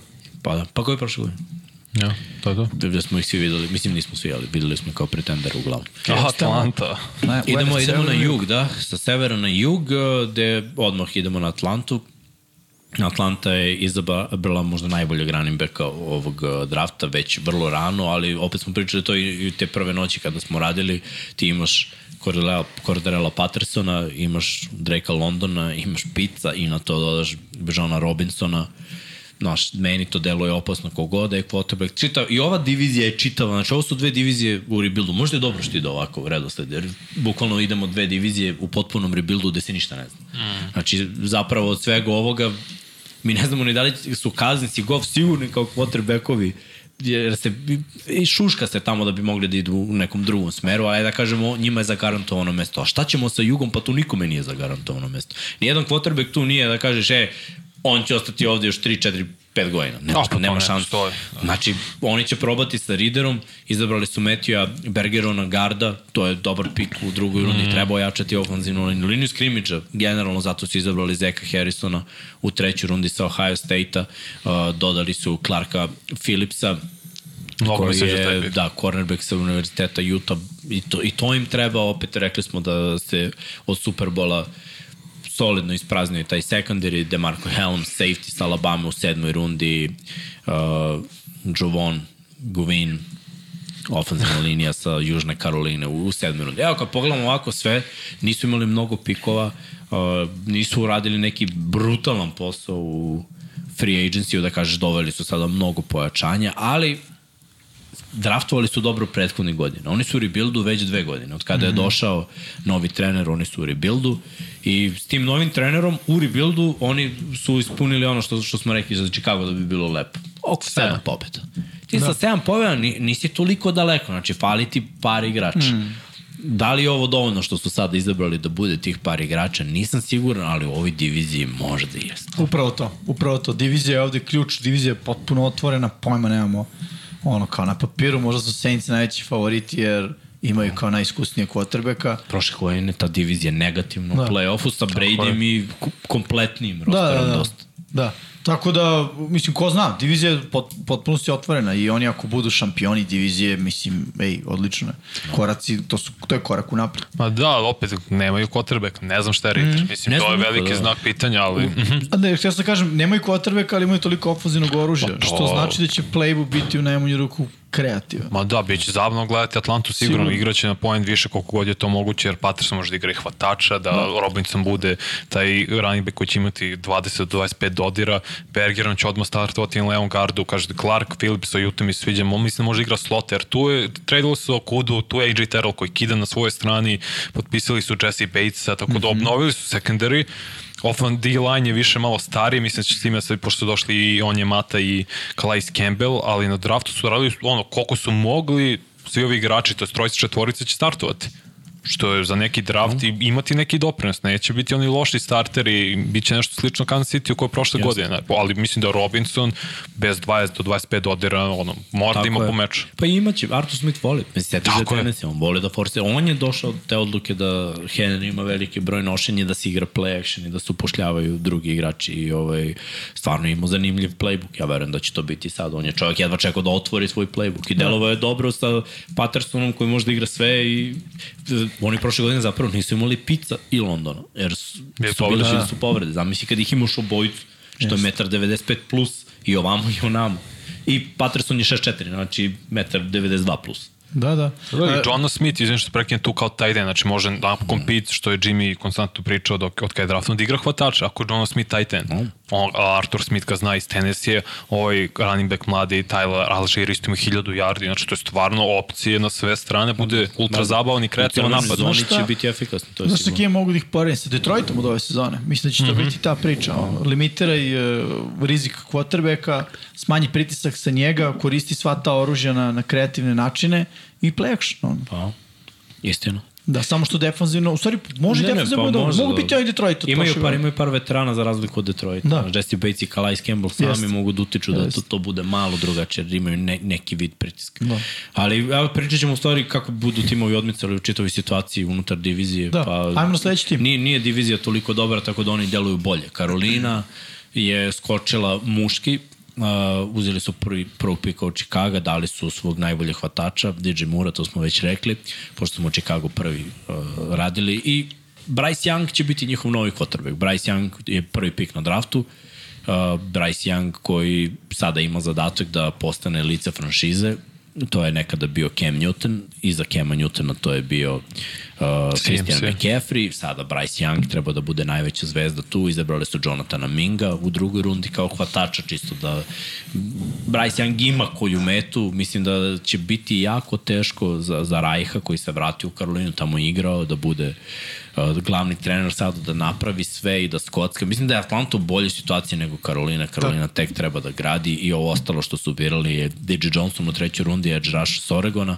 Chandler uh, za Valagard sa NC State-a i Jamie Robinson, safety sa Florida State u petoj rundi, tako da svi ovi igrači koji su oni izabrali do pete runde to mogu da budu potencijalni starteri, igrači koji ulaze sa klupe, igrači koji će igrati ako nešto drugo u specijalnom timu ili tako nešto. Mm -hmm. Ali ono što je za Karolinu problem jeste da su izgubili dosta ofenzivnog oružja i igraće jedan novi sistem, dosta mladih igrača mora da nauči jedan novi sistem. Dok Atlanta ima sistem koji je isti, većina igrača i je igrala u tom sistemu, pa čak i Rider je učio taj sistem godinu dana. Znači za njih je već jedan proces učenja završen i već znaju donekle šta će igrati, dok Karolina mora ono, sve iz početka, bukvalno od prazne table mora da se To krene. ti dajem. Samim tim je mnogo teže, u istoj situaciji su što se tiče rebuilda, neće ući u playoff verovatno ni jedni ni drugi, ali ako dajemo neku šansu procentualnu, Atlanta ima veću šansu. Pa ja bih dao zapravo Karolini veću šansu, baš zbog quarterbacka i ti si u pravu i kaže to ti dajemo. Moraju sad, sad je proces učenja, što si spomenuo za Karolinu novi napad, ali potpisali su Miles Sandersa, to je Chuba Hubbard, Adam Thielen, Laviska Chenault, ovaj, kako se zove, DJ Chark, meni je Jonathan Mingo odličan pik, mislim da će biti kao Pickens od prošle godine za Pittsburgh, samo moram da vidim koji još tu u, na depth chartu što se tiče hvatača, jer mi beži jedno ime, tu je Hayden Hurst, Terence Marshall, isto ofenzivna linija baš dobra, mislim reći, ok, baš dobro, mislim da ima potencijal da bude top 10. Draftovali su i Ekvono oko levog tekla, za Vala mu je bio saigrač Maltene do pre dve godine, mislim da će on možda startuje na, na levom gardu secondary kad pogledamo. Odbrana je vrh, ali... Odbrana je vrh, mislim, Odbranu JC Reich, Horn. odbranu Reich neće uvojiti. U stvari, sve moje sumnje su zapravo u pravcu Tebi Franka Reicha. ali ja mislim da Bryce Young može da nadomesti to svojim Franka talentom. Reicha. Da, Nema mislim da šanse. može. Znaš ko je od quarterbackova jedino uspeo da nadomesti Franka Reicha? Rivers. Philip Rivers posle 15 godina igranja. Da. Jel 15? Od prilike. Od 2006. do da, 15. Jeste, jeste. Eto. Mislim da može, imaju dovoljno oružja u napadu. Nije da nemaju, kaže da i Sanders se probole, Čuba Hubbard je Ali igrao to su sve dobro. nove imena koje tek treba uklopiti, znaš. To kaže, I to, svi to oni on moraju daje, da nauče novi sistem. ali ja više verujem A Frank Reich je lik koji Bryce će Younga pazi, nego na, na jednom jardu da imaju četvrti za jedan, da odustane od Milesa Sandersa i Hubbarda i da kaže ajmo sada. Bryce Young. Tako je. I znaš šta će se desiti, isto što se desilo sa svim drugim quarterbackovima koji nisu Philip Rivers. Mada i Philip Rivers imao sličan fail baš ima- u play-offu da, zbog da. pozivanja akcija Frank Reich. Najveći problem ovde mi je coach, uopšte mi se ne sviđa izbor trenera i mi, mislim da će biti igračima teško. Ja ne znam da li on zna da im da na kašičicu. Ja Mhm. ne znam da li on osjeća pritisak da mora da krkne sve sad i odmah od prve godine. Jer je video prethodnih godina Znaš da je je, da je bio rul pre njega dobra i da je stvar? pokušavao na kašičicu i da je dobio ćao zdravo posle dve i po godine. Da, a znaš koja je jedina dobra stvar? Što Karolina kao ono, mesto ne vrši pritisak. To je neko moje viđenje situacije. gde ne vrši? Mlada Novi franšiza, vlasnik. ali Novi mlada vlasnik, franšiza, aha. znaš, ne, nema pritiska. To, to, to je mo, moje neko mišljenje, znaš, nisu oni, ipak je veći pritisak u kolcima, pričamo o Meningu, o Laku, znaš, mm. treba, treba nadomestiti te ere kolca. A bili su kolci dobri pre toga kad su bili u Baltimoru. Mm -hmm. ali hoću da kažem, Karolina kao Karolina, ona imaš Cam Newton i to kad je Cam Newton bio dobar i, i Karolina, mogu reći možda je loš termin, ali kažem, bila je anomalija. Nije se toliko očekivalo. Više je to bio individualni doprinos Kema Newtona i kombinacija sa Riverom, koji je ono, coaches, da, koji je players coach odbranom, što ti kažeš, Luke Kihli i Cam Newton u istoj ekipi, mislim, još dva quarterbacka, jedan ofenzivni, jedan da, zvezde. bukvalno. Ja meni je stvarno Karolina delo je kao možda je ball prediction, kako god, Pa najbolji, ne, ako najbolji bravo. tim u toj diviziji. I Ako zbog potrebeka i zbog igrača oko njega, oružja pre svega, to su stvarno, mislim da su podcenjeni, Gledaj iskreno. ti, gledaj ti tvoja ekipa kako ima igrače, pa šta im je trener uradio. Istina, Neka te istina. trener zakopa Jeste, jeste. Pogotovo kada igra četvrti za 15 ispred svoje end zone. Da, četvrti i ono, parking mesto, pa, i parking mesto, da. da. Da, da. Ništa, ajmo dalje. Dobro, ajmo Da. dalje. Saints. Idemo na Saints. Saints imaju tu neku veteransku prisutnost, do duše uh, od kada je otišao Peyton, izgubili su i oni glavnog trenera, pa su se malo tražili prošle godine. Dosta povreda je bilo prošle godine i još uvek ne znamo neki slobodni agenti da li će potpisati, ali da kažemo ovako, prva runda, Uh, 29. pik koji su dobili, pogledajte ovo, od San Francisco preko Miami i Denver. Znači. Uh, Brian Brice, defanzivni tackle, treba im defanzivna linija, pričali smo da su izgubili dosta igrača u defanzivnoj liniji posljednjih godina. Isaiah Foskey, edge rusher sa Notre Dame, opet D-line, D-line jer je potreban, uh, Kendry Miller u trećoj rundi, running back. Šta to govori? Govori da kamera nikad ne igra celu sezonu. Tako je. Mislim, i to je normalno i treba uvek imati backupa. Vidjet ćemo šta će biti prošle godine u finišu im je došao i Mare, biš Mare, ne? ne bre, nego vidi stao mi mozak, obožavam čoveka bre. Što je Ingram, Ingram, da. Mark Da, Ingram. da, vratio se. Dobro, tu i Jamal Williams. Znači imaju Da. da. dobru dubinu u Sa, pozicionalnim sada beka. imaju power backa, imaju hvatača beka, sve bukvalno mogu da, da iskombinuju. Nick uh, Saldiveri, ofenzivni tackle, takođe vrlo važan u četvrtoj rundi, može da bude dubina. Baš su imali problema sa dubinom što se tiče svih pozicija prošle godine. Jake uh, Hayner, quarterback sa Fresno State-a, To može da bude zanimljivo. Jer, Fresno State, jer znamo, kocka. pa znam, ali njihovi quarterbackovi su uvek kocka. Mislim, ti se sada uh, se svodi na Dereka Kara koji zapravo ne propušta utakmice i to je dobro, no. ali realno gledano ko su njihovi backupovi prethodnih sezona, pa menjali su po trojicu, četvoricu Bridgewater. posljednje dve godine. Uh, bio je Ted B, bio je Pa, uh, Tyson James Hill. Winston i Tyson Hill, a prošle godine nije bio Teddy B, nego samo Tyson Hill, bio je Winston i bio, No, bio je... onaj mla, mladi quarterback što je igrao pre dve godine. Ian Book. Book, Book, Book evo, da. Pa Mislim, da, nije bio Ian. Book, da. Nije, nije bilo dobro. Jordan Howden, safety sa Minnesota u petoj rundi, A.T. Perry hvatač u šestoj rundi, Alex uh, Forsythe, centar sa Oregona u sedmoj rundi.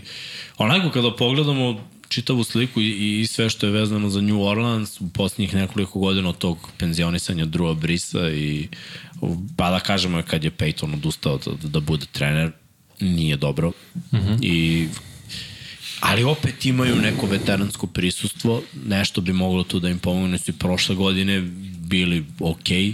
Vidjet ćemo za ove igrače koji su došli i otešli, tipa Tyron Matthew možda napravi, Tyron Matthew, Jarvis Landry, Michael Thomas, to su sve igrači koji mogu, a i ne moraju da naprave veliku mm. razliku. Pazi, Jarvis Landry dalje nije potpis. Znam, nije. Thomas, ne. Jest, Jeste, ali, ali s njim ne znaš, nije igrao dugo. Zato su draftovali i, Perija. Da, i opet ti kad pogledaš imaju oni dalje zvezde, dalje je tu Cameron Jordan i dalje je tu Demario Davis, znači opet to neko veteransko, be, da, veteransko prisustvo, veteransko, da, mo, može da napravi ozbiljnu razliku. Pa Može, ali mislim da odlažu rebuild. U tom mislim da mi tako delo. On, da li su dovoljno dobri za Super Bowl? Ne, ma, Da li su dovoljno dobri za finale konferencije? Pa brate, ja ne znam da li su dovoljno dobri za playoff, ajde krenemo. Zato i kaže, mislim da odlažu rebuild već par godina kad se Drew Brees penzionisu i da je ovo samo ok, tu smo kao na nekoj vrsti, blizu smo playoffa, nismo i to je ono najgore mesto u ko možda Ja budeš za da NFL tim. Oni biti šampioni svoje divizije. Ok, ali to je van and dan, u suštini. Pa, da. Mada u NFC-u. Može da se provuče. U NFC-u, ko zna. Ko zna na Mislim da nemaju smer u kome treba da kažem A.T. Perry sa Wake Forestom mi se mnogo sviđa, mislim može bude hvataš broj 3 jer je pot, ako se ne potpiše naravno Jarvis Landry Leva je broj 1, Michael Thomas broj 2 i može Perry bude 3, ovo ostalo je dubina, pogotovo u D-line-u koji su se dosta raspa u poslednjih dve godine. Mm. Ne znam, meni ok je draft, samo mi se ne sviđa u kom smeru ide New Orleans, jer nemaju plan, ovo je već ono, ok, uzmi veteransko kotrebe kada još godinu dve da vidimo šta možemo i da li možemo nešto, jer njihov prozor bio propušten 2018-19. kad su imali vrhunski tim i nesreću u play-offu. Istina živa. Ajmo dalje. Idemo na Tampu koja svoj prozor iskoristila. Tampa koja je odlučila takođe da krene u rebuild. Izabrali su Kalajđu Kensija defanzivnog tekla, znači dalje se ulaže u defanzivnu liniju. Uh, Cody Mauch mm -hmm. je Mauch. Mm -hmm. Ja, ofenzivni Jeste, tekl sa North Dakota. Vidio si njegovu sliku? Ili je Mauch da, da. ili je. Mauch, Mauch. Mauch. Da, znaš kako je lik, znaš, Jaja mnogo- Diaby, linebacker sa Louisville-a. Takođe, to, to, to je zanimljivo, jer i dalje ne znamo šta se dešava povodom onog trejda. Uh, Sirvose Denis, centar sa Pittsburgha, peta runda, u petoj rundi je takođe Payne Durham, imali su dosta ovih pikova u kasnim rundama, Josh Hayes, cornerback sa Kansas State-a, Trey Palmer, hvatač sa Nebraske i Jose Ramirez, edge rusher sa Eastern Michigana. Kad pogledaš ovako sve i šta su doveli, šta su izgubili, I dalje oni imaju veteransko prisustvo. Uh, znamo da je White tražio trade, nije ga dobio. Oni verovatno žele da budu i dalje prvaci ove divizije i mislim s Bakerom Mayfieldom je jedna velika nepoznanica. To ti je ono bacanje na učiće. Bukvalno pre tekmu, ono bacanje na učiće ko će prvi u napad je da li će dobiješ ili izgubiš sa Bakerom Ali znaš se meni Nikad sviđa? ne znaš koji Baker će da izađe na teren, jer ako izađe onaj dobri Baker sa hvatačima koji su dalje tu, znači njemu je dovoljno da ima ove dve, tri hvatačke opcije koje on ima, on može da se poveže. Prošle godine dobio tekme sa Ramsima sa totalno rezervnim hvatačkim korpuzom, re, defanzivnom linijom da. rezervnom i Baker izašao napaljen i odradio zašto? posao. Zašto je bio najveća zvezda u tom trenutku u Ramsima koji su bili u tom trenutku, što ti kažeš, treća postava i svega. A gle, E, al- Baker mislim da ima problem Ja kad je mislim da- okružen zvezdama. Što zato Možda. mislim da sa Evansom i Godinom neće kliknuti. ali gledaj, u njegovoj glavi Baker je najveća zvezda. U tome jeste problem, što Jeste. Mike Evans je veća zvezda Baker Da, ali. Mike Evans je u fazi karijere kad je u fazonu, ok, Ajde, Judo, nastavimo judo. samo ovih hiljadu yardi baci. Budi ti, ti si najveća. zvezda. Mislim da je Mike Evans došao da stavimo da ne, nema tog prepucavanja. Možda. Znaš što je još jedna razlika uh, za Bakera, baš ti prepusti ponovno Jimmy, uh, imao je vrhunskog ofenzivnog uma te par utakmica u Ramsima. Ko je ofenzivni koordinator u Tampi? Nije Byron Leftić, što je dobra stvar. A ne znamo ko je, mislim, da. Da. nemamo predstavu i dalje ko je, što je šokantno Može već je, ono, maj. Može bude dobro, ali nije, neće biti bolje od Sean McVeja. Do, dobro, da. Mislim, Mogu da složim daje u pitanju. Htio sam kažem, sviđa mi se Mhm. njihov draft iz perspektive, ojačali su box. O-line, D-line, linebacker, Da. da. uh, tight end. Izgubili to su sve su, box da, igrači. izgubili su Donovana Smitha, Jesu. koji je otišao u Chiefs. Da. Možemo da- vidimo opet samo koga su, pošto mi se centar isto izuzetno sviđa koji je bio peta runda i Jaja Diaby sa Louisville na poziciji linebackera, isto Cody Mauch, da, Tampa. Da, da, da, Cody Mauch mislim će startovati odmah da li na levom, verovatno na levom teklu zašto na desnom Wirfs. Tako je, Dennis kao centar sa Pittsburgha, Kalijah Kenzie mi je isto s Pittsburgha vrhunski igrač, mislim da on i Vita Vea će napraviti brutalan tandem i stvarno praviti problem još ako ostane Devin White, jer će se vratiti sa povrede, uh, kako se zove, Edge Rusher, sam mi stao mozak, uh, Shaquille Barrett. Tako je, Bere će se isto vratiti, ako je tu i Diaby, ako su tu i Lavonte David i Devin White, to je i dalje baš dobar se, uh, front seven. Jeste, jeste. Sa Logan Hallom pored ove dvojice, VTV i Kalijah Kencija. Tako da su u tom smeru okrenuli, mislim da će gađati quarterbacka narednom draftu. Mislim da imaju draft kapitala da je to plan. Da sada ono, igraj sa čime ako imamo, ako bude nešto super, ako ne, rebuild odmah pravimo. Mislim da neće da uh, ono, čekaju čekaju kao New Orleans. Nego će biti da, brz znači. rebuild ako je moguće, divizija je slaba, ako treba da, daćemo dosta draft kapitala naredne godine da uzmemo naše kvotrbe koga želimo i to je to i onda govorimo dalje. Ja, baš su male nijanse, znaš, jednako je loša divizija. O, obe ove divizije koje smo prošli mm -hmm. nemaju izrazito favorita, mi tu kao izdižemo, ali to su mali procenti u pitanju, jer svaka Istina. ekipa ima rupe. Znači, osam ekipa smo prošli, svaka ima rupe do sada. Još uvijek nismo pričali ni jednoj kompletnoj ekipi za koju vidimo ono visok domet i da može nešto da se uradi. I možemo lagano da pređemo Srki na sledeću, na sledeću diviziju, idemo na U, zapad. omiljeni tim. I u, za- na zapadu je bila Arizona, Arizona je i takođe u ozbiljnim problemima, ne znamo kako ide oporava Kalera Mare, ajde da kažemo Kotor bi trebalo da bude najveća zvezda. Izgubili su i oni dosta igrača koji su zvezde, izgubili su trenera takođe. Uh, otpušten je Kingsbury, uh, umeđu vremenu kada pogledamo neko nezadovoljstvo i neke tračeve priče koje kruže od uh, igrača koji su bili tu, koji su otišli totalna nefunkcionalnost franšize, coaching staffa i svega. Što znači da je Arizona u jednom ozbiljnom problemu, pritom se nalazi u diviziji u kojoj imamo baš neke funkcionalne ekipe. Da. Ali ajde da kažemo šta su da, da, da kažemo šta su oni birali. Uh, Prva runda, pik 6, Paris Johnson, ofenzivni tackle, to je uvek dobar pik, naročito kad uh, tvoj quarterback ima problem, tvoji quarterbackovi imaju problema već peti kusur godina unazad. BJ Ujulari, edge rusher sa LSU, takođe dobar pik u drugoj rundi. Garrett Williams, cornerback, potencijalni starter u trećoj rundi sa Syracuse-a. Uh, Michael Wilson u trećoj rundi i hvatač sa Stanforda. I to je zanimljiv izbor, ali ajde da kažemo da si dalje ne znam sudbina DeAndrea Hopkinsa, tako da možda i treba ići u smeru podmlađivanja. Bilo neki- nekih vesti, ali to ništa nije potvrđeno da neće biti. AJ Green se penzionisao, ovaj da li će bude tradovan ili neće, ne znamo, Kristijana Kirka su poslali i ostaje im samo mladost, znači mo, morao si da uložiš. Hollywood Brown ostaje. Pa, nemoj uopšte da otvaramo tu knjigu i, i da pričamo o, o Markisu Brownu. John Gaines, defensivni linijaš sa UCLA-a, Clayton Tune, quarterback sa Houstona, sigurica za svaki slučaj, Oven uh, Papu, linebacker sa Obrna, uh, Clark, cornerback sa Louisville-a i Dante Stills, Dante. defensivni tackle, West West Virginia. Virginia. Eto i on kad pogledaš, ok, s onim što su imali, oni su popuno, Arizona ima možda najviše rupa od svih ekipa. Na, Da. Ako pogledaš ono poziciju, toliko je bilo rupa da, da ovde nije moglo to da bude zakrpljeno na jednom draftu, mislim da njih čeka dva, čekaju dva, tri ovakva Potencijalno drafta. prvi pik na draftu sledeće godine. Da, i ja bih razmislio, ja bih razmislio ozbiljno u otapanju nekih Kobayagi vrednih igrača, jer oni nemaju zapravo vrednog igrača, ali imaju Kobayagi vredni igrač. Znači, ono, Simons Mogu ti kažem, moj ter. nije vrhunski igrač, ali mogao bi da bude, bu, ne, Buda Baker je vrhunski. Jeste, ali njega isto mogu da daju. za- Mogu. Mogu. Mogu ti kažem moj ter. To ste rekao pre nego što smo krenuli s tim. Pa možda i Kajar. Tako, jesi Tako da, je. Jesi. Znači, Kyler se da imam, Ma da. U, pošto oni imaju Houstonov pik, a Houston će vrlo vratno biti loš. Mislim da će imati top 2 pika u top 5, možda čak i u top 3. Ako imaju prvog pika na draftu, Kyler, čao. Na Kec, uopšte ne bi razmišljao. Sigurno. Na, čao. Ja mogu biram Caleb Williams i da uzem Marvin Harrisona mlađeg. Ja sam obnovio svoj napad i uz Paris Johnsona levog tekla.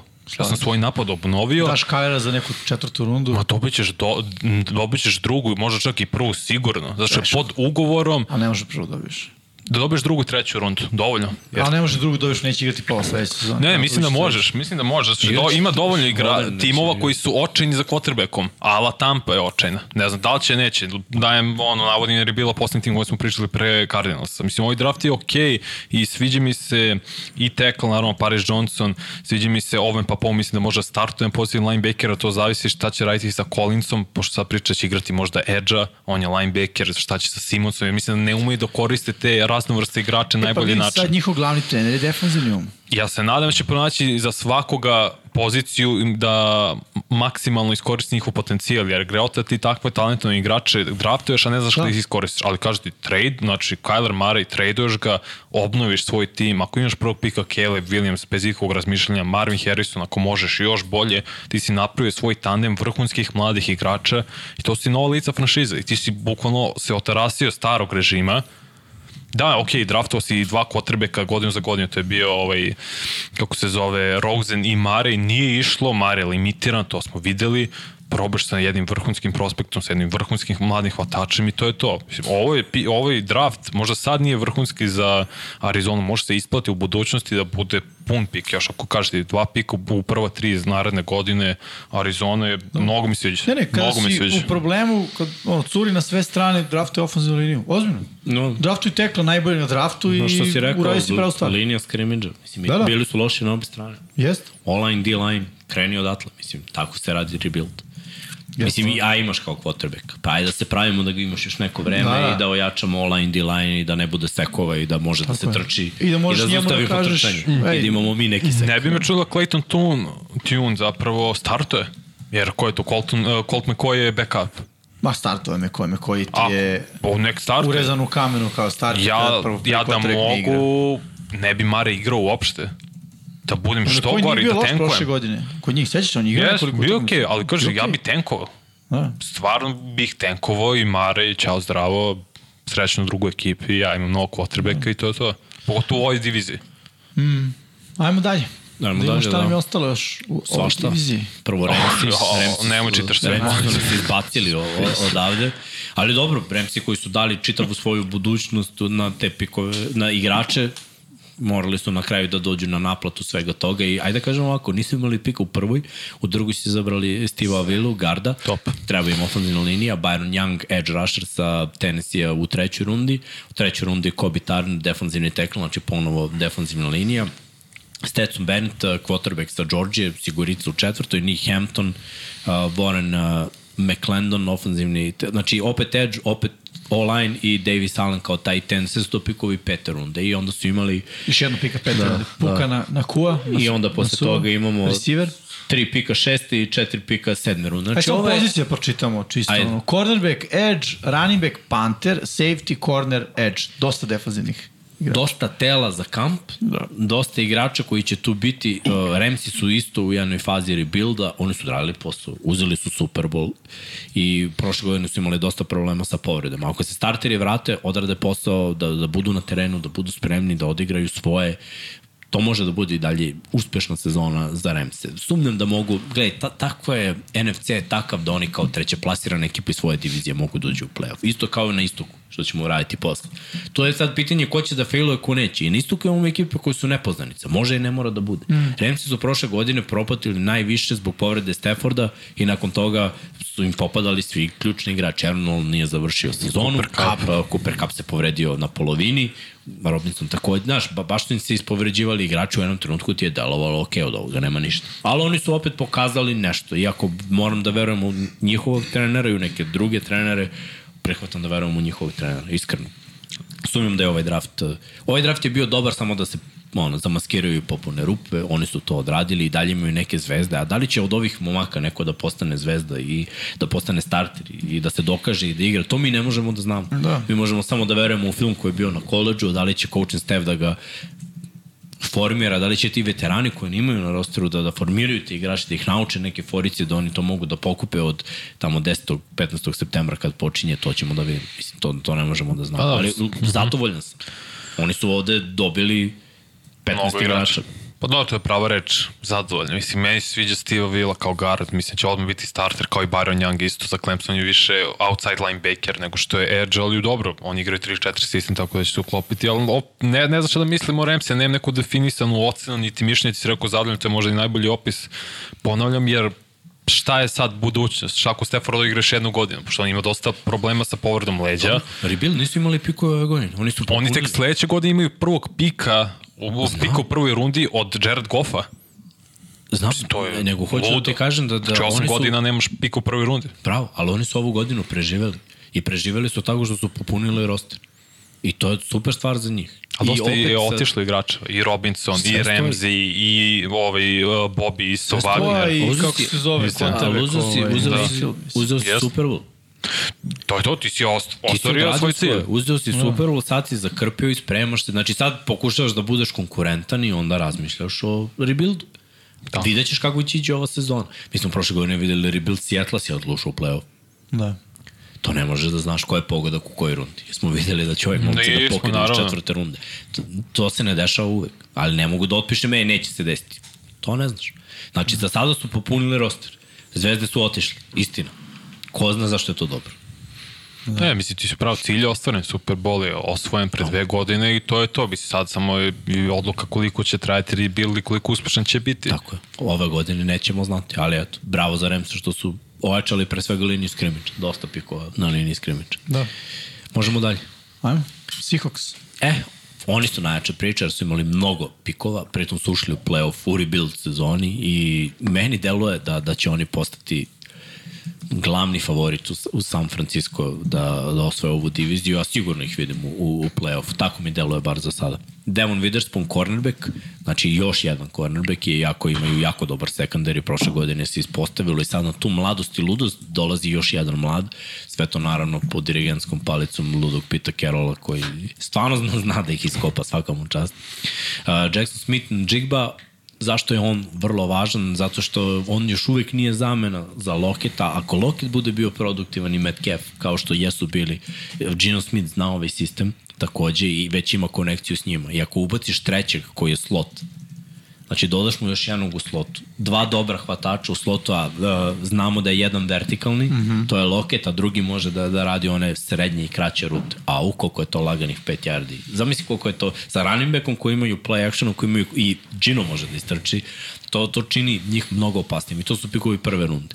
Derrick Hall, Edge, U drugoj trebala im je defanzivna mm -hmm. linija, bili su, to im je bila slabost prošle godine, još jedan running back u drugoj rundi, jer su prošle godine našli jednog koji može da igra sve utakmice, ali i on se čak malo povredio, zašto da nemaju E, ako uzmemo uzorak od pet godina poslednjih, možda i više, treba im više running backova. Da, da, treba im, oni moraju da igraju tako, forsiraju, igraju fizikalnu Just. igru i, i treba im to ofenzivna linija u četvrtoj rundi, Anthony Bradford, još jedan sa LSU-a, dobar univerzitet, Cameron Young u četvrtoj rundi, defanzivni linijaš sa Mississippi State-a. Znači, puni sve u defanzivnu i ofanzivnu liniju. Mike Morris, Edge Rusher u petoj rundi Michigan. Znači, treba ti online, treba ti igra trčanje, treba ti play action, treba ti rush, da ih vrtiš u krug, da mogu. Nikad oni nisu imali i u onoj Super Bowleri kada su dva puta bili u Super Bowl, njima je Bennett bio jedini onako zapaženi defanzivni linijaš, ali je rotacija bila na, na dva A playa. njima je poslednji igrač koji imao dvocifren broj seka u sezoni Frank Clark. Da, Možda može to Derrick Hall. kao, kao outside- linebacker. Tako je, Znači, tako je, ali tako je. kad pogledaš ovako, nije to bila nikada vrhunska defanzivna linija, ali su svi davali maksimum, znači iznad očekivanja, imali su dobru rotaciju, da izađu uvek i da budu odmorni i, i da daju pritisak. Pa onda uh, u petoj rundi još jedan centar, mm Mhm. -hmm. Olusegun Oluvatimi i izabrali su safety i running backa kasnije u šestoj i sedmoj rundi. Pogledaj, Zach Charbonnet će biti running back broj 2. Mislim, neće biti, ne će biti DJ Dallas, mislim će odmah Charbonnet ući u tu ulogu backup running backa za Kenneth Walkera. Čak nije ni backup, nego ono... Jedan, dva udarac, Tako, može je, tako. Tako je, dvojka u tom Da. smislu. I ti si lepo, mislim, imati tri vrlo dobro odlična hvatača. To je ono što si ti samo pričao, da imaš kao taj trio u smislu, ono, jedan slot, jedan vertikalni, jedan koji radi sve. Da. E, ne zaboravimo. Noah Fent. Tight end, Znaš, bravo. u taj tendu... Okay, Nije se- nije se- nije se pronašao, Ali može da da. bude. Može da bude sledeća sezona. Ko zna? Ja sam imaju rekao, sistem, mhm. imaju dobar sistem. Znaju da su run first play action ekipa koja ima playmakere koji mogu da naprave razliku. O, opasan tim. Oni su Jeste. dalje u rebuildu. Bili u playoffu, u rebuildu i ova godine rebuild da ih vidiš u playoffu. Gde ćeš bolje? Ja stvarno. mislim da neko Dallas i Seattle je meni finale konferencije. Ne znam zašto, Seattle mi se mnogo sviđa kao tim, mislim da nemaju mane sada. Jedina mana da li će imati konstantan pritisak. To će zavisiti od rotacije, od edge. Možda još jednog veterana da potpiše što tiče Ima defensivne još, linije. da.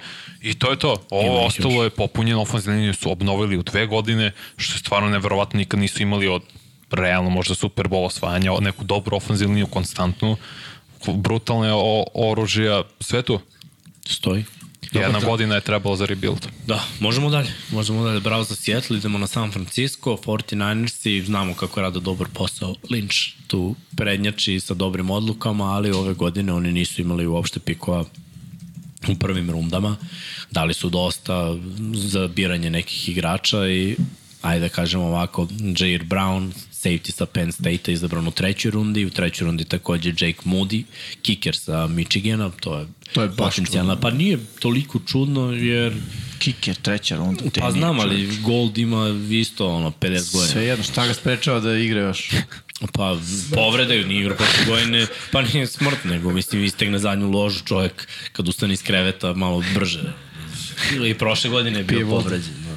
Da. I ono, znaš, ne možeš da se osloniš, a možda im se ovaj momak svidio, mi to ne znam, ja iskreno kikere ne pratim, nisam dobar Da. scout za kikere, ali svaki put kad je neko izabran na draftu generalno, naročito u prve četiri runde, meni je u glavi, okej, ovaj, ovaj je verovatno pogađao na, na, na koleđu, znači, ne možemo da... Mislim, da nema pravila za kicker. Nema Mislim, pravila. tvoj kicker je najbolji, realno, Tucker je nedraftovan bio, stvar ne? Ma, Mislim da nema pravila. Kao i nema pravila za draft Seattle, mislim da za draft San Francisco. Ja ne znam koje ocene dam, jer to igrače oni nalaze u, na svu, u svakoj rundi Tako neko. je, ali pogađaju. Evo ti vidi, to. u trećoj rundi tri pika imaju. To, ovo su sve uh, momci koji će ući u rotaciju. Jeste, jeste. Na ovaj ili onaj način. Znači ovog Mudija Kikera ćemo videti u predsezoni kako šutira. Ako bude odradio svoj posao kako treba, bit će na practice squadu u najgorem slučaju. Kad pogledamo dalje, pikovi imaju dva pete runde, jednog šeste i tri sedme runde, znači to su sve momci koji će, kada dođu u ovu ekipu koja je kompletna, mi znamo koliko su 49 kompletni, kada dođu u ovu ekipu imaju da rade i da vežbaju i za veterana. Znači sad je rookie minicamp. Čim prođe rookie minicamp, znači oni već sada imaju drilove sa vrhunskim trenerima, sa vrhunskim coachom Stefom je jedna ozbiljna organizacija. Znači tu će da, da se vidi ko je gde. Ako to prođu, znači to kaljenje, dolaze ti starteri koji su brutalni igrači. Oni na svakoj poziciji imaju zvezdu. Daj, dajte mi jednu poziciju gde oni nemaju zvezdu. Osim Cornerback. quarterback. Corner. Ali solidni su im cornerback. Ok, Okay, radili su posao. Otišli, godine. kaže, otišli Mosley sad, mislim, okej su. Mislim, nisu ni birali, i birali su jednog kornera Yes. u petoj rundi. Tako da ti kad pogledaš ta, ta ekipa je toliko kompaktna da, da će ovi momci verovatno izvući svoj maksimum i vidjet ćemo ih u ostalo. Ali taj mali pad koji se desio uh, 49ersima što se tiče tih glavnih igrača, slobodno Srki mrne, pa ovo je bre improvisation Ja, hoćeš television. prebaci na mene kadar dok ja Ne, ne, ja. Evo ja ću da vam skrećem pažnju, pogledaj to. Tako je, pogledaj Da, da. to. Tako, miksa ne mora da se vidi, Da, sad malo meni, brate, Ne, ne, malo malo, priđe seci seče. malo. Morat ćeš malo, Da, e, to, to, to, da. to. Jimmy je radio u teretani, kako si a ne isekao, vidi da. kako se postavio, čekaj, kakva figura, još vuče levom rukom desno, znaš kao. Da sve vreme je bio pol kontra kadar. Da, teška priča. Sve o svemu dobra priča za San Francisco. Njihova priča Jeste. nije teška, njihova priča je dobra i vrlo verovatno će osvojiti diviziju. Jedino Seattle može da ih iznenadi. i Eto, A to. nije imao je koje priča šta je Kotrbek, ko je Kotrbek. Jel da Arnold možda Kotrbek? Čak se ne oporavi nijedan od dvojice, ni Lance, Nije, ni... pa evo ga, Da. Brock je već krenuo. Bat. Ne znam, ne, meni se to ne Ja sviđa mu pozicija Ako on Kotrbek. bude fail, onda prihvatam, ali znaš šta, dokle god postoji šansa da on baca i da igra, ja verujem da, da je on njihov izbor i stvarno igrao iznad svih očekivanja. Sigurno, lepo, lepo za oko, dobra Da. dodavanja. Uh, eto, jedino je dobio batine od Fila. Vidjet ćemo kako će da kad imaju tape na njemu. Ti znaš, drugo je mnogo je velika znam. priča kad se neko sprema Sve za tebe i imaju film od 5, Sve 6, koliko, znam. 7 utakmica. Sve znam, ali verujem, moram da verujem. Okej. Živim od vere. Verovao sam u mnoge. Neki su me ispoštovali. Opa! Dallas. Odmah od američkog tima E pa oni su, ajde Vanja, preuzmi malo ovo čitanje, presušio sam ovde, da se osvežim. E, pa oni su krenuli sa Mazi Smithom, defensivnim teklom Michigan. Mislim da čudan pik. Oni su si hteli Dalton Kincaida, Buffalo ih je bukvalno preskočio i uzeo njih, tome ćemo kasnije, ali okej, potrebno je neku defensivnu liniju gde zaustavi trčanje. Run stopper klasičar su bili loše protiv igra trčanja. Ok, onda Luke uh, Schoonmaker s tight end s Michigana, još jedan igrač sa Michigan, njima, njima treba tight end, nakon što je otišao Schultz, nije, ne verujem da su teli uh, Schoonmaker, već opet ponavljam Dalton D, uh, Kincaida, Demarvion, Overshawn, linebacker Texas, To je zanimljiv izbor, si treba neka dubina pozicija linebackera, to im je ostalo nedovršeno jer je otišao, mm -hmm. bile priče za Bobby Wagner, on je na kraju otišao, to je vratio se u Seattle, Asim Richards, offensive tackle, North Carolina, on mi se sviđa, on igrao levog tackle na North Carolina pa, više sezona, ogroman je čovjek stvarno i mislim da može da igra čak i garda. I opet Dallas ume lepo da razvije offensive liniju. I kad nisu visoki pikovi u, u Da, da, jačim da. rundama, oni znaju to da pronađu. Evan Hall, uh, running back Northwestern i odmah ću baciti i Deuce Vaughn, isto running backa Kansas State, preskočen Eric Scott Jr. cornerback, ali njih dvojica će se boriti za dodir za ko, ko će imati više, jer i sada nema Zika, ovi se vraća s po, sa povrede i, Pitanje je kad i se na, vraća. tako je, a Dus Von je inače sin od jednog od trenera, pomoćnih trenera u Dallas Cowboysima. I to je bilo lepo moment da ga zove njegov tate i kaže, hoćeš sledeće nedelje, dođeš sa mnom na posao, misli, to je ono, baš, baš cool moment. Da li mu je to rekao? Da, da. Jeste, jeste. Yes. Carski. Carski i Jalen Brooks hvatač Ja da Carski. Carolina. Da, Da, što drugo bi mu rekao. Ne, nisi super, neko njih dvojica će dobiti.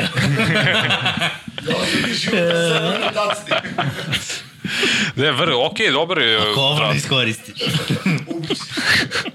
Kući nemoj da se vraćaš. Evo, pa kao. Hit, hit. Dobro, dobro draft za Dallas, popuni se neke potrebe. Vidi, oni su manje više i ispunjen tim. Drafto, to je tradovali su Ušli iza su u Brooksa. play-off, moja Mhm. očekivanja nisu bila velika za njih, iskreno, moram da budem realan i, i dalje nemam velike očekivanja, mislim da je Dallas Mislim da je bolji tim nego prošle godine. Tradeovan im i za Cooksa i za, o, kako se cornerbacka Stefan Gilmora. Sad nemaju slabost više na tim pozicijama. Tight enda nisu toliko ni koristili, mislim da se mo, da može se nadomesti. Ta, uh, Schultz, ofenzivne linije su sad malo pojači, di- pojačali D-line takođe, pogotovo sa Mazi Smithom, ne treba im run stopper. Majka Parsons mislim da će imati još bolju godinu, jer tek sad ulazi u, to, u te sezoni gde razvija svoje telo i on je to rekao, kao meni treba mišićne mase ja nekim momentima ostajem bez snage, jer su svi malo i dalje veći od mene. Kako sam ja, ono, freak atlet, o, nevjerojatna atleta, brz, eksplozivan, malo mi fizičke snage treba, mišićne mase, tako da stvarno ne brinem za Dallas. Glavno pitanje je Dak i da ne pravi toliko grešaka kao što pravi prošle godine, jer to nije bilo nešto što je radio prethodne godine. Ove godine baš ima koliko 16 presečenih u 12 ili 11 utakmica. Pa vidjet ćemo. Dobro, ali Kellen Moore je otišao. Mislim da je to bio problem. To, je to najvažnije. problem. Nije problem. Ja mislim da Ja mislim da jeste. ja mislim da je problem Dak, ali ajde, vidjet ćemo. Mislim, između njih dvojice, da, mrtva trka koja je veći problem, ali dobro što je bar jedan otišao. Pa, Ja mislim da je glavni da trener vidimo. problem. to tek, ali polako. Ajmo dalje. Nije bila loša sezona. Ali da, Nije dalje. bilo loša, ali mislim, nije, nije ni dobro. Godinama kubure i vrti se u krug i ništa. Giantsi su imali odličnu sezonu, ušli su u playoff u rebuild u godini, pronašli su, da kažemo, neki recept novog trenera, sve funkcionisalo i odlučili su se da prošaraju ovde malo. Iskreno, uh, mislim da im je ovaj Hyatt pao kao budal šamar u trećoj rundi, jer su ga videli u prvoj ili drugoj. Ali da krenemo od Deontay Banksa, kornera, koji je instant starter odma. Uh, John Michael Schmidt, centar, ofenzivna linija, mora da, Odmah da, da se pojača i opet Dable zna da radi sa ofenzivnom linijom. Rekli smo Hyatt, uh, hvataš sa Tennessee u trećoj rundi. Eric Gray, running back sa Oklahoma, za svaki slučaj u petoj rundi, da. čisto da se ima dubine, jer i dalje ne znamo situaciju sa Zekovanom Barkleyom, hoće potpiše, neće potpiše, će igra, neće igra. Trey Hawkins, safety u šestoj rundi, Jordan Riley i uh, Gervarius Owens, safety u sedmoj rundi i kada pogledamo ovako, nisu imali mnogo pikova, odradili su neki posao i, dalje su Giantsi i dalje igraju iznad svojih mogućnosti. Mislim, i prošle godine to bilo. Nisu imali neki hvatački korpus, pojavili su se neki momci. Iznad očekivanja. Daniel Jones iznad očekivanja. Saquon Barkley konačno ta sezona. Uh, odbrana odigrala respektabilno, mislim, i dobili su tekmu u play-offu protiv Minnesota koja je čitave godine bila drugi seed u NFC-u. Tako da ne, ne znam šta da očekujemo od Giantsa, mislim da to može na sistem, na coaching staff, na iskustvo, na neku dobru energiju da, da se odradi. Mislim da, da je ovo najbolja divizija u NFC-u i da će biti napeto. Prošle godine su delili neke tekme, pokrad, pokrali su Washington u jednoj koju su dobili, trebao je Washington isto da dobije, trebali su da podele, ovako su Giantsi mm. dobili dve. Ne znam da li bi ušli u play da je bilo tako, mislim da ne bi. O, ili bi bilo drugačije. Washington bi možda imao priču takođe da uđe u play-off. Ko zna šta bi bilo, mislim, ne mogu sada da pričam da se vraćamo da. u prošlost, ali realno gledano Giantsi nisu na nivou Dallasa, mislim da Dallas u tom direktnom matchupu ima prednost, ali mogli bi da nas iznenade. Mogli bi opet u playoff, oni su draftovali u prve tri runde tri startera. Banks Yes. preko puta, Dory Jacksona, John Michael Schmidt sigurno starter na poziciji centra i Jalen Hyde koji je prošle godine osvajač Beletnikove nagrade najbolje hvatača u sezoni, u naravno na koleđu. Imao jedan meč koji imao pet touchdowna protiv Alabame. To je brzina, to je ono prštenje sve strane i opet Dable zna da koristi, mislim, ko je Ho, Hodgins je bio pik šeste runde. On je bio jedan od Da. dobrih hvatača, Van Del James, Robinson, brate. Richie James isto. Mislim, može to se pronađe, nemaju oni dalje opciju broj 1, ali može Hyde da dobije svoje. Kaže, starter je odmah, tri startera nađeš u prve tri runde, ja bi za, bio prezdovoljni s tim draftom. Ja, ne, dobar je draft. Nego samo gledam uh, celu sliku, draft je super, nego, nego i dalje nemaju zvezde. Ako se Juan Barkley kaže neću potpišem tag, neću igram. Pa imaju Brian Dable. Dobro, ne, kažem, imaju sistem. Imaju sistem, imaju trenera i veruju u to. Sad, mene samo zanima šta će da uradi Barkley. Mislim, za njega loša situacija, ali zapravo same sebe sudbinom doveo u tu situaciju. Bio je povređen, samo mora se dokazuje. Da, ali Mora produžili da su Dexter Lawrence, defensivno teklo, on je po Jesu, meni top 5 to na toj važno. poziciji, da, ok, Rek je potpisan na poziciji Ma i Danny linebackera. Adams je super ugovor za njih, mislim. Ma da, da, za to, za njih Mali jeste. rizika, Tako dobili su quarterback. Mislim da u odbrani su radili dobro stvari na svakoj liniji, imaju zvezdu i pro bolera. Sad, Da, da, ja, gled, ja gledam ofenzivno to. Mm -hmm, mislim, mm -hmm. Barkley je jedina zvezda u napadu. Mislim, Jest. Danny Dimes nije zvezda. Hvatači Online je zvezde. se popravio, znači tri drafta im trebalo od levi tackle, desni tackle, sad No. center, to je isto vrlo važno odraditi, ali Barkley je veliki znak pitanja. To. Pa ajmo dalje. Pa da vidimo. Idemo na filu, rekli smo, jedan od najboljih draftova određen, nisu imali mnogo pikova, ali ovo što su imali odradili su, ono što je za njih bilo važno je što su imali dva pika prve runde, malo su se igrali tu s mestima, šta će da bude, kako će da bude, ali dobili su igrače, ja mislim, koje su oni želeli na kraju. Da. Jer da ti na devetom piku padne Jalen Carter, to je da, da odmah zapališ vatromet i tako je, baš krađa. Uh, ta defanzivna linija uh, koja je već bila jaka, koja je prošle godine imala 70 sekova je ojačana i Nolan Smith kao edge rusher, 30. pik isto, znači još dva igrača sa Georgije, već imaju dva igrača sa Georgije. Strašno. Philadelphia je baš ono pokrala najbolji Georgia univerzitet u prethodne dve sezone. Pa znaš da George 13 igrača sa odbrbene strane George je draftan u poslednje dve godine. Da, znam. Br brutalno. Evo, Mislim, a ali to peto, najbolji... petorice su u Da, Philadelphia. Tako je, tako je i cornerbacka su uzeli ring u četvrtoj rundi, u treći dva pika, Tyler Astin, ofenzivni tackle, sigurica za svaki slučaj, Sidney Brown, safety, Lep preko pick. potreban mm. pik, uh, jer nisu nisu uspeli da pronađu pravo rešenje. Imaju, on, doveli su neki igrače, ali nije to, da kažemo, rešeno. Tanner McKee, quarterback sa Stanforda. Uvijek je dobro da uzmeš da, quarterback sa Stanforda. Da, zanimljivo i, i mora Ođomo defanzivni tekmo, znači još jedan D-line.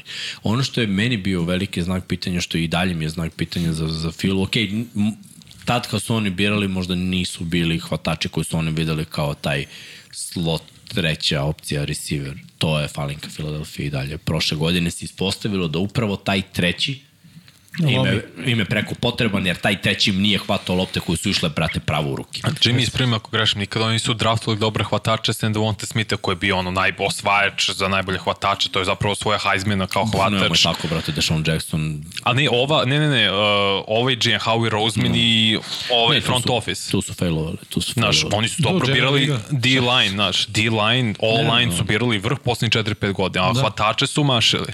Da, dobro, imali su dobrih uh, Možda je to bila filozofija, znaš, držimo se onog što znamo, to je all-line, D-line, vrh biramo, mislim. A šta ćeš onda, Znaš šta isto mislim da je- naći toliko sad Da je filozofija, pa, da, to što ja kažem, naći ga među poznatim igračima, među onoga ko ima filma.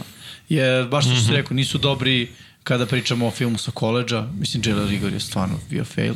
Pa i on, jer Sega J.J. Whiteside, druga. Whiteside, tako da, je. da, da, da. A, Devonta Smith je nekako baš bio sigurica. Arcega Whiteside je izabran pre AJ Browna, brate. Pa ti Da, to, Da, da, da. ti kažem.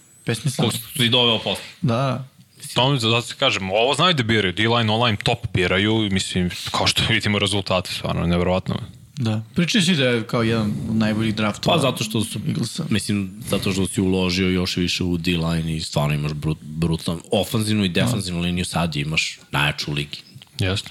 Nije mala stvar da imaš naj... Online D-line, kad imaš najjaču u ligi, trebalo bi budeš najjači tim u ligi. Plus svi. Trebalo bi.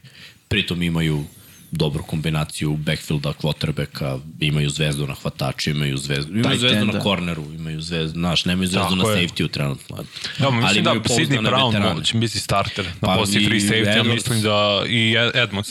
Edmonds, da, Edmonds. Da. I on mislim da će sad je biti kombinacija bio okej, safety. pizdu Blankenship je bio dobar isto. Ne znam da li je on ostao sad, ali Čekaj, preživio se ove katove, nije? Jeste, tu je Reed Blankenship, da, piše mi na depth chartu da je iza Sidney Brown. Mislim da je Sidney Blankenship Brown je vrh. dobar, mislim, safety, odradio je posao. Mm Mhm, -hmm, Nije lako Ma, igrati na nivou Nije da, ali s ovim D-line-om je lakše. Gardnera. Da, da. da, da, jeste, slažem se. A ne, šta kažem za film, mislim, vrhunski. meni najbolji Vrhunski draft tim, film. a evo jedini, prošli smo skoro sve timove, našli smo jedan kompletan tim.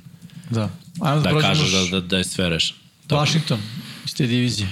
I ti ovim završavamo zapravo NFC. NFC.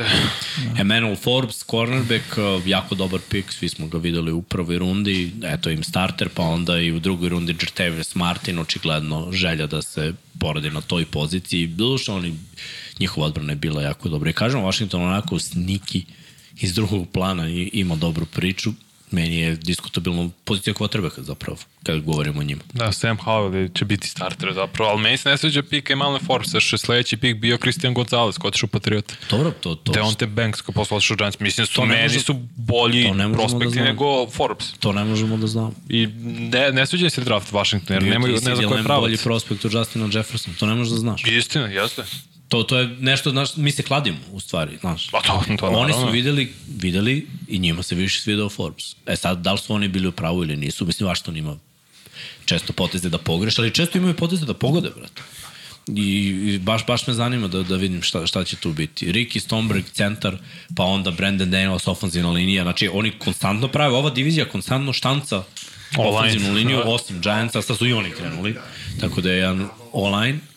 Onda KJ Henry Edge, uh, Chris Rodriguez junior, running back i Under Johnson linebacker. Sve nekako ide u smeru malo po malo, malo po malo, ali ništa. Bukvalno me zanima da vidim da da li može. Imaju playmakere, i hvatače, i running backove, i online, i D-line, sve to radi kako treba, ali pobedi u ovoj diviziji i radi nešto. Prošle godine sam navio onako iz prikreka za njih, mislim da su bile baš sramno pokradeni protiv Giantsa, to i tekme jer se sviralo nešto što se nikad ne svira. Dobro. I eto, i zbog toga neka, neka mala podrška njima. Pa, Pa, dobro. pa da vidim ono, da li je moguće. Toliko se raspada, tipa oni da su bilo kojoj drugoj diviziji, mi bi pričali možda playoff. Koji da su južni ili U sever? NFC-u misliš? Da. Samo u južni. Da, da. Ne znam, ja ne vidim Sam Howell dok ne igra, uz Erik Bienem je kao ofenzivnog guma, kre, neko ko će sad stvarati Sad će nove akcije. mi svima da vam pokaže. Ne znam, vidjet ćemo. Ne znam, i sad će novi vlasnici nam pokažu zapravo. Mislim da to da. do 22. maja treba da se reši. Da, da. Ko će još biti? Pričat ćemo o Ćemo tome. na FC? Možemo. Ajde, od tvojih miksa. Le, le, To je slučaj. A ni to po Sever. Da, da, da, da, pa Prvo znam. od vrha, Da, da, od vrha, od vrha. a slovo B je, razumeš? Čekaj, ko ti je poslednji? Mislim, koja divizija ti je poslednji? Isto, isto. Ti kaži koji je tim poslednji. Za kraj. Za Pa, kraj. Moram da ostanem. Najbolje smo, stavili na kraj. najbolje smo ostavili za kraj. O, ajde da pričamo ovako, mislim, Zay Flowers, kada ti pogledaš, ja ovaj sad sam gledao neke treninge i ti kad pogledaš njegov snimak, on je dobar hvatač, ali bio je Marquise Brown. Ja ne verujem u male, sitne hvatače u NFL-u. Znači, ako si sitan hvatač, budi Terry Hill, budi zver, brate. Budi sitan hvatač 90 kg. No, Steve Smith bude. Budi Steve Smith. I onda kad mi je neko, kad sam vidio neki komentar da je neko napisao, pa i Steve Smith je bio nizak. Po razeru, pa ajde, ne, bukvalno da je se Ja bilo se na nervira, dušu, e, e, da se nervira. Ovo je lično. Da, se nerviraš. e. da, da izbrišen komentar, izbrisao je mu komentar. Može. Steve Smitha, bu, bu, bukvalno bogohuljenje. Znači, A dobro. Bateman ti je visok tu hvatač. Odeli Ne je dobre nego, visine. znaš šta, ne- ne ti imaš možeš- kombinaciju, sve tri, Ma otprilike pokrio. šta sve trik? Šta će on s metar 70-70 kila izblokira? Ne može u NFL-u da igra blokira. mali. Pa, tome, eto, igrač u Baltimore neće da blokiraš. Nema tu, tu samo Steve Smith može. Ne, ne, nije više ovaj, kako zove, Roman, ofenzivni koordinator. Nema više blokiranja, Ma ima, plagijanje. isto voli, voli da trči. A Trenton Simpson, e, to je dobar pik. To je To je, ne znam pik. kako je uspelo da, da padne tamo u treću rundu, ali Clemsona linebacker jako dobar i to može da bude zanimljivo. On će igrati outside, A u, mislim će on igrati inside sa...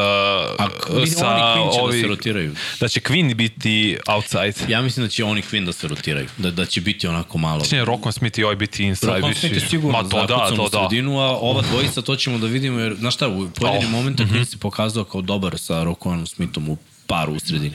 Ali dobro je da imaš čisto jer Dobre muka, nemaju, ovo je dobro muka. nemaju ništa drugo, pa onda je i dobro što imaš ovo, Džabo se, nadam se, vraća i ove, i onda su to sve klinci, mislim, živiš od toga da klinci prave sekove i pritisak.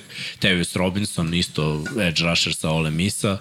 Uh, izabrali su cornerback u petoj rundi. Kako se čita njegov ime? Nemam pojma. Da, Q Blue. Q Blue Kelly. Q Blue. Q Blue, me 3 zanima. 2 men. Da. Q Blue. Da, zanima me, niti je Blue kao plavi. Pa imaš ti Kool-Aid McKinstry, cornerback sa Znam Alabama. da ima Kool-Aid. Brate, on će biti top, 5, top 10 biti sledeće Ima i godine. onaj The Coldest. isto. Da, hvata, što ne braski. Pa Svega, svega, da, svega da bude.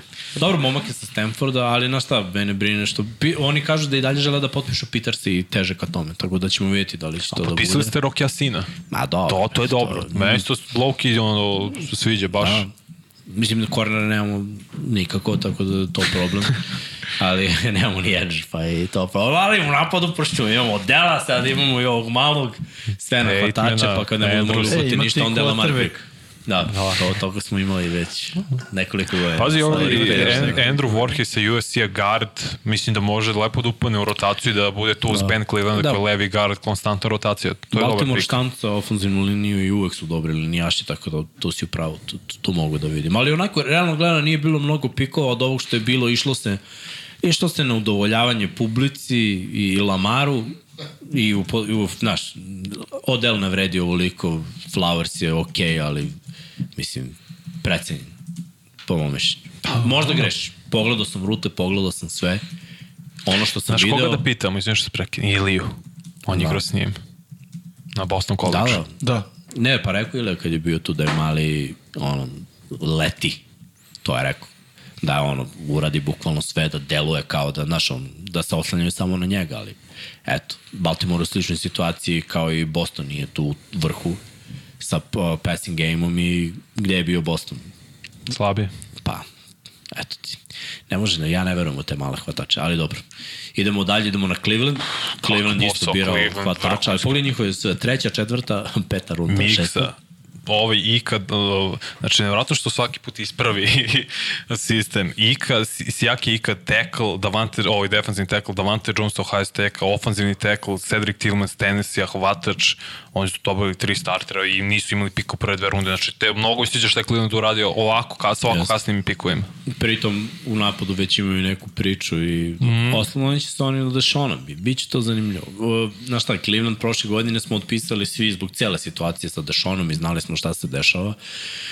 Sada, znaš, kad ima, imao čitavu sezonu prošlu da uči, pa imao malo da skine rđu i sada ima priliku da se pripremi i opet i dalje oni imaju, nemaju čanta, ali imaju čaba.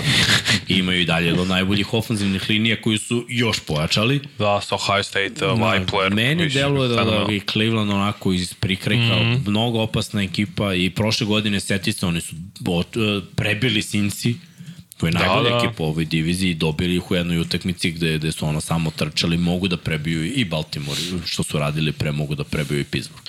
Tako da ova je jedna ekipa nepredvidiva, AFC je AFC je opasna divizija, opasna konferencija, gde, gde su sve divizije onako imaš bar tri ekipe koje su dobre, u nekim divizijama po četiri ekipe koje su dobre. E pa Cleveland će ove godine predstaviti, ja mislim da potvrdi da je sever divizija od četiri, a ne od tri. Mnogo je teško rangirati i sever, mislim, ni Pittsburgh loš, vidjet će- vidjet ćemo šta su radili, niti Cincinnati Bengals daleko to igrali finale konferencije, ali meni Cleveland nekako sa mali broj pikova su zapravo ono sve što im je neophodno popunili. Pre svega D-line, neko ko zaustavlja trčanje, to je bukvalno čovjek planina Medved i sa Baylora, Davan, uh, Davan Jones i Vipler će biti backupovi, ok, zato što imaju vrhunsku ofenzivnu liniju, ali ako neko ispadne iz rotacije zbog povrede, ti imaš već igrače. Davan Jones ima 2.05 i 150, 100, 160 kg, ajde ti njega prođe. Mislim. Imaju i zvezda, Evo. znaš, i dalje Tako imaju je. zvezda. Imaju u ofanzivnu liniji zvezde, sad im je, mislim, quarterback im je zvezda. Da. Možemo da Bio je zvezda, bio, bio je vrhunski igrač. Imaju Amari Amari Coopera, Cooper je zvezda, Miles Garrett je zvezda, da. imaju cornerbackove koji su visoko izabrani. Tako je. Ti kad kreneš da špartaš malo po tom rosteru, skapiraš, znaš, od oni na svakoj poziciji imaju zvezdu.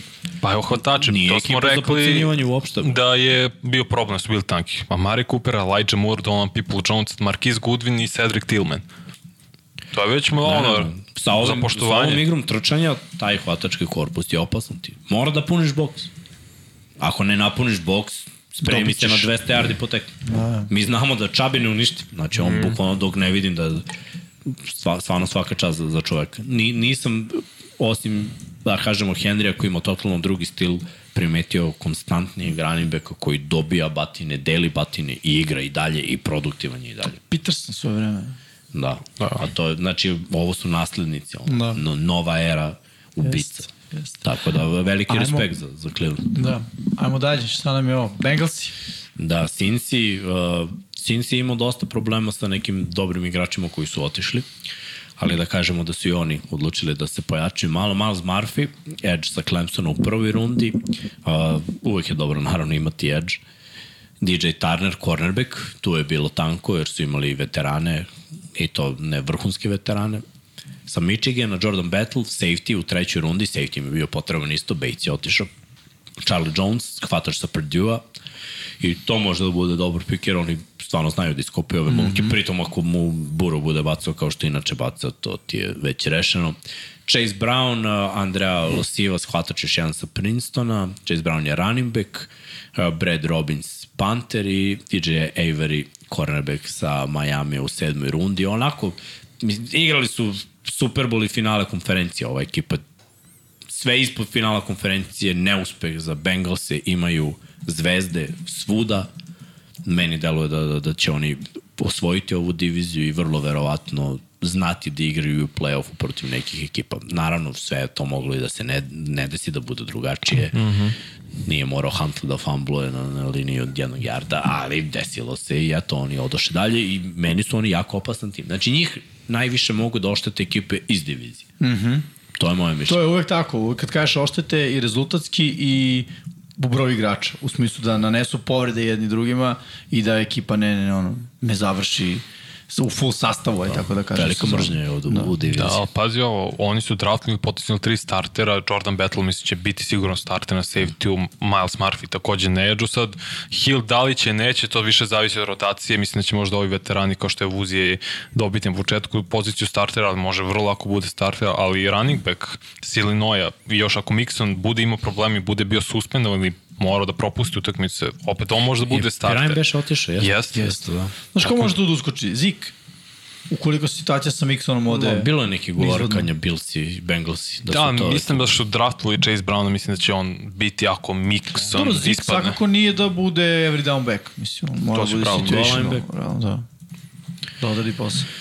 Dobro. Uh, Pittsburgh. Pittsburgh je po meni odradio najbolji posao na ovom draftu, jer su u rebuildu prošle godine bili i stvarno je malo falilo od uđu. Imali su taj dobar niz kad je u stvari i počeo da igra Pickett. Kad je ušao u mod, kada su mu dali šansu, a trebali su od početka mu dali šansu, ali dobro, nema veze. Da, jesu ušli bi u playoff, verovatno.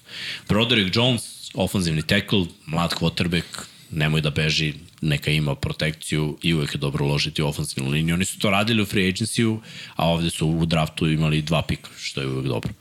Uh, Joey Porter junior, cornerback, nasledđe, Penn State, dobar univerzitet, dobar igrač, Znaju tatu. Iver ne pada daleko od klade, mislim, to bi trebalo sve da bude dobro. Pritom oni stvarno znaju da pogađaju, znači njihovi pikovi gotovo uvek budu dobri igrači.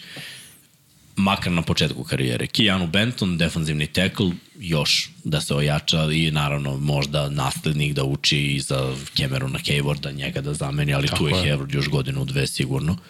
Darnell Washington, tight end. E, ovo će biti zanimljivo jer njih nismo videli često u setovima sa dvojicom ili trojicom tight endova. A Pittsburgh i prošle godine su krenuli da se vraćaju taj old school, da, da imaju jednog tight enda Firemut i da dodaju još jednog tight enda i da sad igraju fizikalno protiv Clevelanda i protiv Baltimore. Da. Cincy ne igra fizikalno. Cincy je spread ekipa, jedina u, u ovoj diviziji. Ali Pittsburgh ide u stvari kao ove dve ekipe, da, da teži nečemu drugom. I ako oni budu težili tome, sa njihovom odbranom, to može baš, baš da bude. Pa da, ali odbrana je tankan, postoji linebacker To i secondary. rupa, Sad imamo kako će to da popune. Da, da. Ali dalje ima linebackera u free agency. Oni su i draftili linebackera, samo strke ako možeš da vratiš na kadar sa njihovim pikovima. Ili nisu, ili su potpisali free Pa smo u... ko Edge da računaš kao spoljnog linebackera. Pa Herbik se vodi kao da, više kao linebacker Mhm. nego kao edge. No. Negde ga upisuju kao linebacker, negde kao edge ali Darnell Četvrta Washington... runda, mislim, to je potencijalni starter isto. Pazi, Washington tra, draftovao si malte ne ofazivnog linjaša koji zna da hvata, mislim, sa svojih, što smo rekli, 2.01, 2.02, 120 kila, so, mislim, to je super za Najee Harrisa, da ti uđeš, da izađeš u tom formatu sa dva tight enda i cepa i Pa da, trčanje. tu imaš mnogo balans formacija, znaš, ti imaš... Uh, Se zove jumbo formacija. ne, to, to je paket. Mislim, mm -hmm. mi, mi to tako zovemo kao paket, zato što izađu više, ali ti možda napraviš, ti kad izađeš u I sa, sa dva tight enda, mislim, mislim, to smo zvali ace. Ima, možda da jeste zoveš drugačije, možda da prebaciš tight enda ovamo i, i da bude tank. Da imaš dva, ali on te formacije u odbranu malo poremete, znaš, jer sad šta je njima jača strana, kako ćeš ti, ko- koga da puluješ, kako praviš, na koju stranu trčiš. Nije sve, imam dva enda na ovoj strani, trčim tamo. Ništa ne mora da znači, ti imaš toliko učena. imaš odmah bolji mečap ako imaš dva tight enda na jednoj strani bez spoljnog hvatača, znači, da, znači da će neko jak blokirati cornerback. Ili ga nećeš ni blokirati, ostavit ćeš ga da bude jedan na jedan sa running backom igrati I na to je kartu. dobro, mislim, znaš, da. Najee Harris u punom sprintu naleće na korner. Gazi. Nije Znači da imaš dva uspeh, ali da. Bolje su šanse kao Ako ti je dizajn akcije da uzmeš 3 jarde, vrlo verovatno da ćeš uzeti. A pritom možeš da prikriješ, uh, praviš probleme odbranom. Znaš, to, to, je, to je nešto što Pittsburgh nije imao. Mi smo znali za Pittsburgh godinama dok je bio Big Ben, pa eto je prošle godine, da je ono, krosovi, verovatno ako je dodavanje 3 do 5 yardi, imaju jedan fade, možda će da prkne to čisto ono, a ako bude imao protekciju i ako je trčanje, pet linijaša, bez tight end ili jedan tight end i oni će tu nešto da plešu levo desno, nađe rupu i to je 2 yarda, brate, ti to možeš da spremiš, mi možemo lajci da, da spremimo za, za takvu utakmicu. Ali sada, prošle godine, quarterback je krenuo da izlazi iz džepa, eto ga problem, mora da imaš nekoga ko prati quarterbacka, mm -hmm, jedan da. mora da bude kubi spaj, naš, ne može da ti izađe, pike da istrči 10, 15, 20 yardi, pa izađe pa baci, pa kompletira, pa su otvorili simove, sa Frajermutom, znači sredina terena, safety ne može da odmah ode da pomogne na fade i malo po malo, malo po malo ide evolucija. Mislim, Steelers Pa tu pazi, Deontay Johnson, Pickens, Allen Robinson. imaju bre talenta. Sada ima tu ova dva tight Pittsburgh je enda. meni odradio vrhunski posao u free agency mm Mhm. i na draftu. Još jedna Ovo je ekipa koja je rebuild nije puno osetila, mislim. Tako je. Pa pozitivna sezona. Da. Oni su ušli u rebuild, nisu ušli u playoff, ali su sa pozitivnom sezonom. Još jedna. Ajmo sada dalje, na jug AFC-a. Kolci. Koliko su imali brda pikova, uh, Anthony Richardson je njihov pik na, na quarterbacku, to je zanimljivo, ovo ti je boom or bust. I od ovoga zavisi u stvari šta će oni biti. Ali dobro za njih je da je čitava njihova divizija u problemu, manje više sa tom pozicijom, jer Tennessee trenutno ima rešeno pitanje, ali na par godina. Tenis ima rešeno pitanje dok je tu Tenehill, šta će da bude posle, ne znam. Znači, jedini quarterback je quarterback Jacksonville i, mislim, oni su najveći favoriti za osvajanje ove divizije, iskreno. Ti kad vidiš kolce, Richardson možda bude pun pogodak da im da, zamisli njega u backfieldu, Jonathan i Taylor. Jonathan Taylor, brate. To može da bude i read option i power play, ja, ba, mislim, bukvalno svašta. To je to Jackson ili ipak deo divizije Jacksonville-a, a ne Colts, ali okej, okay, razum, razumem šta govoriš. Mislim da je Richardson work in progress. Jeste. I će to potrajati. Projekat. Pa i oni su, znaš, ja mislim da su oni svesni u rebuildu. Mi imamo takođe, uh, kad pogledaš njihov napad, i tu je sve loading, imaju jednu zvezdu, to je running back, hvatači su, mislim, šta znam. Pa pazi, Josh Downs će startovati, sigurno. Sa North Carolina, on je malo manji, on ima 175, ali brz, eksplozivan, agilan, takav i treba da še Pittman, ono, visok hvatač, malo limitan što tiče Gilmara su pustili, Brent je Tako je. došao kao corner, Freeland kao ofanzivni tackle i to im treba tackle, uh, Kelly se beše povukao. Uh, a De Bavore defanzivni tackle Ade, Ade isto mislim da će biti Da. starter, njega smo projektovali prve ga, dve da, runde. da, da, ja još, još čitam od... uh, Darius Straš, Cornel, još jedan za dubinu u petoj rundi, Daniel Scott, safety, znači sve što je ovo peta runda, pa eto i Mallory kao taj ten, to, to su sve igrači koji u rebuild ekipi mogu da budu starteri. Veliki broj pikova u šestoj rundi takođe Richards, Leo, znači ofenzivni tackle, pa linebacker, pa Jones kao cornerback i na kraju Witt kao ofenzivni linijaš. Znači, stvarno su se popunili na sve strane, sve su to pokušali, ali ja mislim da, da, da je to ono work in progress, što je rekao Jimmy, to, to sve tek treba da se slegne, mm -hmm. oni sve to treba da prođu, pritom možda bi pametno bilo da utope neke zvezde koje imaju i da izvuku još. Ja bi, ne znam, Lenarda Ja ne bi, ne bi mogu Lenarda dalje, i ni Baknera uzeo- isto. A za Lenarda sad možda uzmeš pika prve runde. A mi treba ne, ono, najkapitan odbrane, to je Lenard. Meni treba, on je igrao do, dobro deo prošle godine zbog Nek povrata. ti DeForest Buckner bude kapitan odbrane. jest. DeForest Buckner i dalje o, o, pro igrač. I Pa, dalje pa all obojica su. Kida. Pa da, ali, znaš, mora da unovčiš. Ideš u rebuild. Ne znam da li ćeš uspeti ovako u rebuild. ne- Šta ako Richardson nije pogodak? A vrlo, Onda ideš u rebuild, može. 50-50. Ali mislim da Stajken može njemu znatno pomogne jer je on pomogao Jalen Hurtsu u razvijenju svoje igre. Ali ja ne bi startovao Richardsona u prvoj godini. Možda pri kraju. Neki igra Gardner Minshew.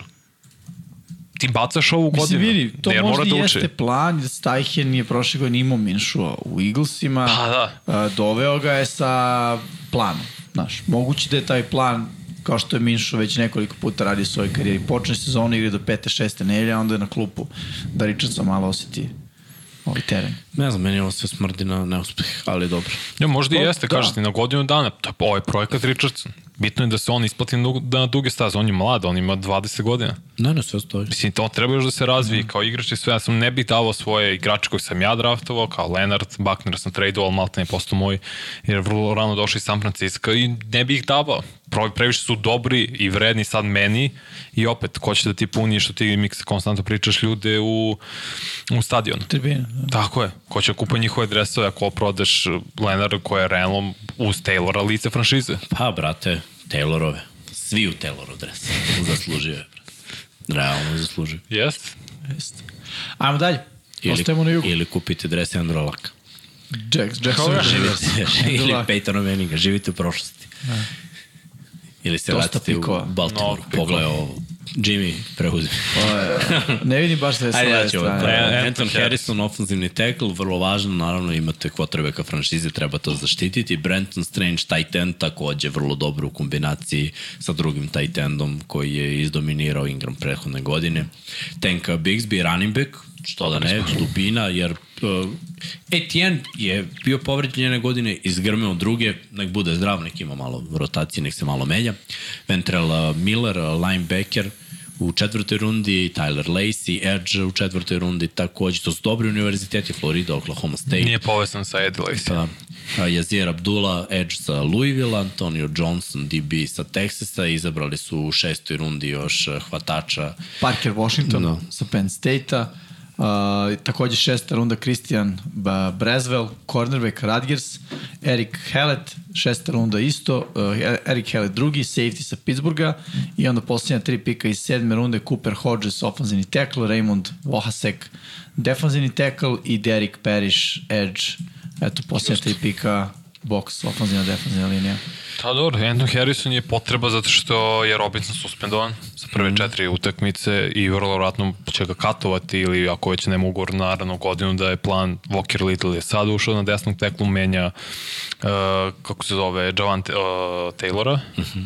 koji je otišao u Kansas City, mislim da će Anton Harrison menjati Robinson, obnovio si tako teklove i ok, uh, na poziciji tight enda nešto što je totalno različito od Ingrama, tu isto daješ neku dubinu i raznovrsnost da možda koristiš i jednog i Pomažeš drugog. malo. Tako je. Da, da taj da da tackle koji je diskutabilan na obe strane ne bude jedan na jedan sa mm Mhm. -hmm. edge rusherom.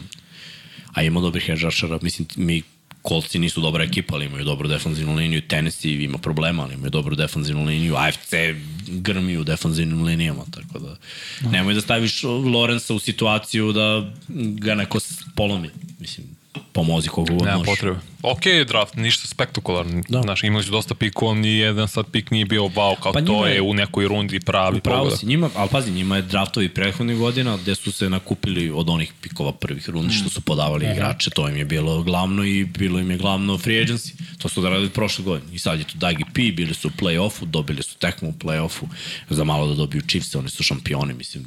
Ne bi otpisao Jacksonu. Do, dobra da su i dalje tanki na DB-evi.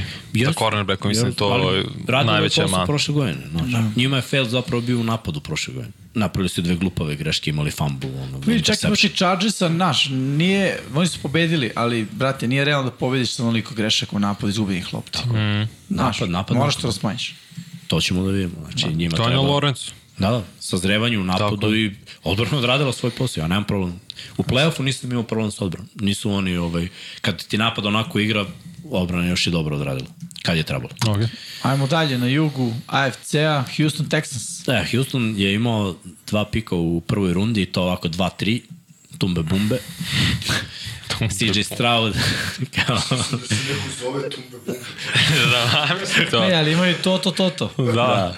To, CJ to. Stroud im je prvi quarterback, vidjet ćemo da li je to budućnost, uh, pogodili su sa Dešonom Watsonom, pa ko zna, možda i ovo pogodak. Will Anderson, Edge Rusher takođe jako dobar Fenomenal. igrač, jedan od najboljih sa ovog drafta, tako da to bi trebalo da budu dve zvezde. Znači, pričali smo prošle godine da, da su izbori bili takvi da oni sada traže mlade zvezde i sve ovo što je izabrano, pa čak i Shags, cornerback sa Penn State-a može da bude zvezda, Tank Dell, hvatač, Odličan treća pik. runda, jako mm. dobar pik, Dylan Horton Edge sa TCU u četvrtoj rundi, dobar pik, Toto Otto, uh, linebacker, To, to. To, to. E, on je za mene to Toto, pa i sad kako hoće.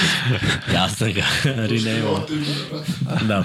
Uh, Jared uh, Patterson, centar sa Notre Dame-a, Hutchinson, hvatač sa Iowa State-a i Brandon Hill, safety da. sa Pittsburgha. D d- dobar draft, opet ono što su imali, oni su odradili u prvoj rundi su izgrmeli, to je bila poenta, naći dva igrača koji su lica franšiza. Ako je pogodak, ako su uspeli, ako je ako je quarterback rešenje njihovo, oni su na dobrom putu. Očekivanja minimalna, AFC je takav da ja očekujem od njih da budu najgore ekipa. Ove godine na draftu? O, Ja, baš na draftu. ove godine u AFC. Biće oni, po mom mišljenju, I, oni, da Raiders i Colts, to su tri ekipe koje Zaista. onako da, da. čitavom AFC-u idu na... Mislim, to ide na ruku Cardinalsima, jer oni imaju njihov pik. Cardinals. Da. Tako je. Tako da meni se sviđa, mislim, Will Anderson ide Ne, ne, kod... u... U AFC. Da, Okay. da. Rekao sam, rekao sam, ja sam mislio generalno NFL. Mislim da će super da se ukupi Will Will Anderson kod Demiko Ryans. Demi Koranec je inače išao isto na Alabamu, bio vrhunski igrač na koleđžu. Mislim da, da će biti veoma dobar trener, potrebno ti lice u odbrani, imaš lice u napadu, Tank Dell je onako pocenjen hvatač, mislim da može da bude vrlo koristan uz kombinaciji mečeja koji se vraća uh, nakon što se izlečio od leukemije, to je sjajna vest, super stvar na kojoj je još ostao tu na poziciji hvatača, pošto su tradovali Robert Woods isto tu, tradovali su Kuksa, tako da ono, Olan je dobar, imaju solidne trkače, sad je ono, da li može Stroud da se poveže s njima? Sad je uklopiti kockice. Da. Polako, pa nema očekivanja, ti se rekao, postepeno. Nema, nema šta očekivanja u prvoj godini. To samo ovaj njihov predsednik, nenormalno, koji ima očekivanja i da otpusti čoveka koji je doveo još jednog čoveka posle godine. Neće, pa nema Što bi bio hat-trick za njega. da. Onda treba da mu grad da nogu, ono, bukvalno, da. evo, tipa ih seli Deoć. dosta više, brate. Kako se zove, Nik... Uh, ne znam. Ne znam. On je iz Patriota došao, taj GM. Ma nije GM problem, brate. Pa, pa ne, mislim, on je i im daje šut kartu. Znam, ali nije, vlasnik nije je. on odlučio vlasnik. Mu Vlasnik, da. Inače bi GM dobio šut kartu da vlasnik se ne slaže s njegovom odlukom. Mislim, to, da. to tako ide u normalnim franšizama. Možemo imamo dalje strke i nećemo mnogo da ostajemo tu na Houstonu. Oni su se zakopali Tennessee. dok se ne odkopaju. Nema potrebe. Tennessee, u problemu, velikom problemu, uh, još jedan pokušaj pronalaženja kvotrbeka prošle godine. Malik Willis. Malik Willis nije bio pogodak, pa evo sada Will Lewis. Znači, Levis. Levis. Levis. Levis. Da je duplo V bila bi Levis. Da, Levis. Pa dobro, to što brate, ja Levis. To, to, to možda bude, ali Luis mora bude Levis. Prihvata. Ajmo prvi pik. Skoronski. Skoronski. Super stvar. Potreba ti je ofanzivna linija Istina. i slo otišao si ti levi, desni teklovi prethodnih par godina, generalno cijela ofanzivna linija ti se osušila, malo ne raspala u poslednjih tri sezone. Pa jeste, sad malo smo šaviji. Ali mi se sviđa i Spears sa Tulane running back isto. Mislim, ja mislim da i Tennessee može bude jedan loših timova. Jer nemaš tu puno opcija, Samo ni oružje u napadu. Pa da, Da. divizija im ide u, nek, u ruku, Idem na ruku. idem ali- sistem, trener je dobar i znaš šta, skupe oni tu neki pobede. Evo prošle godine igrali su katastrofa. Grozno. I za malo da uđu u play-off. Znači njih je Jackson ili izbacio iz play-off. Pa da, ali A igrali su mm -hmm. tri utakmice sa trećim quarterbackom koji je došao dan pre. Da, da. Ali gledam draft, ono, samo... Ne, svi ofanzivci. Što znači da neće biti dobro. ne, imali su dobru Previše kockica odbranu. se sklopi. Da, Odbrana previše si bila, pravo. Da, u, jednoj, u jednoj fazi dobra, u drugoj fazi ne baš najbolja, ali Pritom je ono što ti rekao, imaju tri quarterbacka. Znači, nema ni jedno. Ja. Pa, ima, Tannehill, ne, ne, znaš šta, da. bi igrao prošle godine, oni bi ušli, oni su bili prvi seed na trenutku u. I Tannehill se povredio. Mislim, to su stvari na koje ne možeš da računaš. Tannehill, ako je tu, ja, ja sam računao da će on da ode, da će neko tradovati za njega, ali pošto nije, pošto je tu, oni su u mnogo boljoj situaciji. Oni su u situaciji da se možda i bore za playoff, jer imaju dobar sistem i imaju dobru odbranu. Njihova odbrana radi mi- posao, imaju pritisak, znaju, znaju Mhm. da rade. Mislim, Bend but don't break. Pa da, oni su mi kao New Orleans, odlažu rebuild. Koliko još može Henry da igra na ovom nivou? ne znam, pa dok ne umre. Pa, mislim, to je, ali, to je, ali to je njihov plan. Nemoj to. Njihov plan je trčati je, na ali to, u otpunu tome je točku. stvar. Jer to je to. nemaš ofenzivno oružje. U suštini. Mislim, draftao si prošle godine hvatača, sam beže ime kako... Burks, Traylon. Yes, Tre, Traylon Burks, mislim. Pa to je jedino ofenzivno oružje. Mo, ok, igra, praviš taj tendove, neki konstantno koji su solidni, online moraš sad da, izgraviš, i- da izgradiš iznova. Da li će biti Tenhill zadovoljno što dve godine za redom biraš kvotrbeka visoko u ideji da ga zameniš u suštini da bi oslobodio i sebi kep jer je većina kepa Henry, on i odbrana. Da. Tako to sad izgleda i ono, da, moraš da daš Will Levisu šansu, ipak si tradovao da bi došao na ovaj odabir, na ovu poziciju koju uzmeš u drugoj rundi, veruješ da on može da bude rešenje jer je pao, treba da bude pik prve runde, tako da ono, daješ mu priliku, ako ne ide, još ako ne ide Tenehill na početku i Titansima ono, na sred sezone, ok, to je to, Tenehill gasiš i daš priliku Will Levisu, jer moraš da odeš u rebuild, ne Moraš, možeš, pogotovo u, u AFC-u. Mora. I sad ima i vreme kad su tri ekipe iz divizije bukvalno u rebuildu. Ajde kažemo Jacksonville izlazi iz rebuilda, ali Izlazi. mislim gotovo čitava divizija. Houston i Colts su u rebuildu. Da. Što da ne budeš ti treći i znaš, pusti Jacksonville neka prodišu jednu godinu, dve i opet ih skini sa trona ako možeš i da. to je to. Ajmo, ajmo, dajmo dalje. Idemo na Kansas City Chiefs. Zapad. Idemo na zapad. Ajde kažemo prvo, Donovan Smith je došao da bude levi tackle. To je bilo vrlo važno. Odmah posle drafta su potpisali i rekao je Andy Reid da, da će ga staviti na levog tekla, što znači da su oni rešili to pitanje uh, odlaska Orlanda Brauna. Kompletan tim, mislim, koji, koji je postao još kompletniji uh, Ano Dike Uzoma, defanzivni end, još jedan mladi igrač koji bi trebalo Oscar da... Laftis tako tamo. Tandem mladih rašara, eto, to im je važno. Rashi Rice, hvatač. Pazite na ovo, Rashi Weiss, mislim jedan- da može, Rice, letač. pardon, da, Da. da. sa E- SMU-a, mislim da Mahomes i Andy Reid mogu maksimalno izvuku. Stvarno je verovatno kako ti hvatači koji su malo ispod radara padaju Chiefsima u naruči i oni od njih mogu naprave odlične igrače. Naravno da mogu. I imaju već do, dobar hvatački Imaju korpus. Vanju. Tako Vanju je. Moras. Oklahoma, bre. Da, Vanja Morris sa Oklahoma, znači još jedan u nizu. Mislim, ja ne stavljam uopšte u ovu ofanzivnu, defanzivnu liniju. Andy Reid uvek malo umeša prste i da smernice svojom stručnom štabu koji uvek izvuče maksimum. E, takođe treba reći da je samo Bijanim i otišao iz tog stručnog štaba, tako da, nije se mnogo promenilo u Chiefsima. Oni dalje imaju svoje ono, stubove i u odbrani i u napadu. To su igrači koji ih vode i ja mislim da da će oni biti prvaci ove divizije, da baš mora da se desi čudo i druge ekipe da podignu svoju igru visoko i eventualno da ih skine neku playoff. Oni će ući u playoff, mislim. Prošle godine, ako prošle godine nije bila fail godina, ovo da, neće biti sigurno. Neće se Pazi, oni su skočili za Rashi Rice s razlogom. Da. Jer su imali 64. pika na draftu i skočili na 55. Jamari Conner, cornerback, BJ Thompson, defanzivni end, Keondre Coburn, defanzivni tackle i Nick Jones, cornerback. Eto, to su njihovi pikovi. Cornere su opet pojačali, jako su prošle godine imali tan, ono, ceo sekundar bukvalno mladih igrača i sve to deluje dobro. Ja mislim da je odrađen rebuild sa šampionskim prstenom. Bravo, Chiefs i Nema bolje toga. Ne može bolje toga. ne može pa da je. Da Institucija. plačemo svi u AFC-u. Pa da. Idemo dalje. Pa evo, kreni ti da plačeš, pošto tvoja, tvoja ekipa. Ja- Ja sam svoje isplakao. Pa nije, Quentin Johnston sve više više kako razmišljam, nije mi se vidio baš na draftu, iskreno.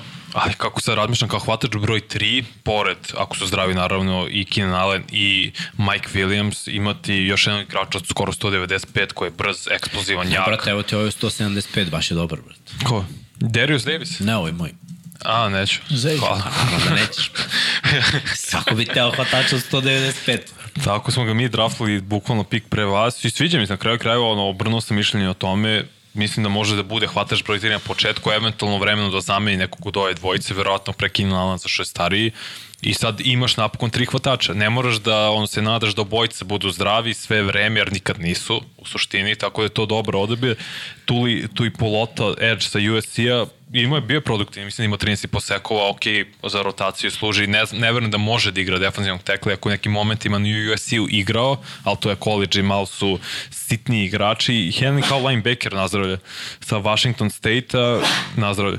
I sviđa mi se odabir zato što će biti, učit će od Hendricksa i od Mareja. I Mareju nisu pokupili petu godinu, tako da Henley vrlo lako može bude starter, on je tamo godine, tako da to bila na neki način potreba.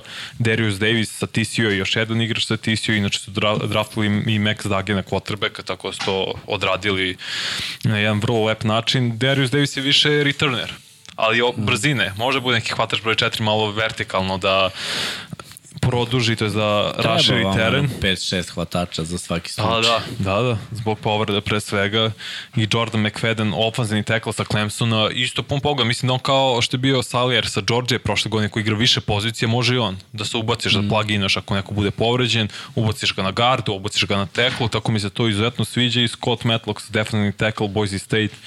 D-line je potreba.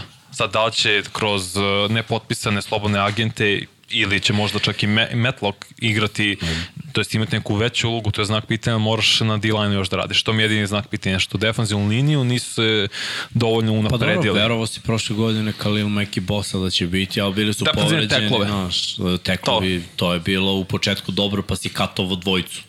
Mm. Tamo je. otkuda, ono, kao pa baj katujemo u dvojicu. Pazi, tu su Austin Jones, Sebastian Joseph, Ogbonija, sad isto on, mislim, Joey Bosa, Morgan Fox isto tu. Ok, ali, znaš, ako nisu zdravi, nema nema elitnog defensivnog tekla tu. Bez to je dobre problem. defensivne linije neće čisto pobediti. Teško, teško, baš teško. Možemo dalje. Ajmo. Možemo dalje. Chargersi, dobar posao. Se sviđa da u, u svom stilu, mislim. Kopiraj, kopiraj Chiefs. Da, jest. Samo bukvalno ste ih iskopirali, ali dobro, tako treba. Evo, učiš na najboljih. Las Vegas, Raiders. Od koga li oni uči? Šta Srkina maša vamo nekom knjigu? Ne. Vidjet ćemo. Opet. Nema, nema prospeš Pepsi Gari, samo moram da po vam knjizi. pokažem ovo, pošto će premijerno biti prikazano u Lab 76 u utorak, a ovo se emituje od petka. Ovo nam je sledeći cilj. Dakle, Aleksa Vučaj, izvini, kako se zoveš? Za... Milan. Milan. Milan, njegov drugar. Bar sam Aleksi zapamtio ime, to je napredak. Ali sad na stranu. Univerzitet u Novom Sadu, Fakultet tehničkih nauka u Novom Sadu. Sistem, sistem za obradu i vizualizaciju velikog skupa telemetrijskih podataka iz trka Formula 1. Master rad, master akademski studij, Novi Sad 2023. Šta ja hoću da kažem? Bravo. Hoću a, prvo da čestitam Aleksi, ali ono što nam je cilj, da neko uradi master za NFL. Ljudi, tako da, Aleksa, vidi, aplauz onom je dono za biblioteku, ali šta je pojenta? To je ta cijela ekipa, dakle, fotke su Hasana Bratića, e, dakle, Lab 76 zajednica, Aleksa koja nam šalje podatke kada je reč o Lab 76 i te neke divne stvari su se pretočile u znanje i akademski rad. Svaka čast Aleksa. Bravo, pa samo malo čast, inspiracija, da. ljudi. Bravo. To vam kažem. Ajmo sada, ne znam, na, na, na, na, na, na fakultetu za sport da vidimo nešto ili ne mora, može, te, može i na tehničkom, može medicina, može svašta nešto da inspirišemo nekoga, damu, damu, gospodina nekog da napišu rad. Ajmo ljudi, Samo to, da, da bude još jedna inspiracija. Mnogo lepe stvari. Eto, izvinjam se što sam upao, ali Aleks je upravo Skroz došao, legitimno. uh, verujući da, da ćemo mi da završimo to do sada. Smo počeli. Ko, ko te lagao? još malo, realno. Da. Ja, Ne meni parking za 7 minuta ističe. ja taj problem da ne, ne, ne, ne, ne, ne, ti, ti, ti, ti ne razumeš, ti si kupio kartu za produženi osnovni. Ti doplatnu kartu. Ti imaš dnevnu kartu, ne brini.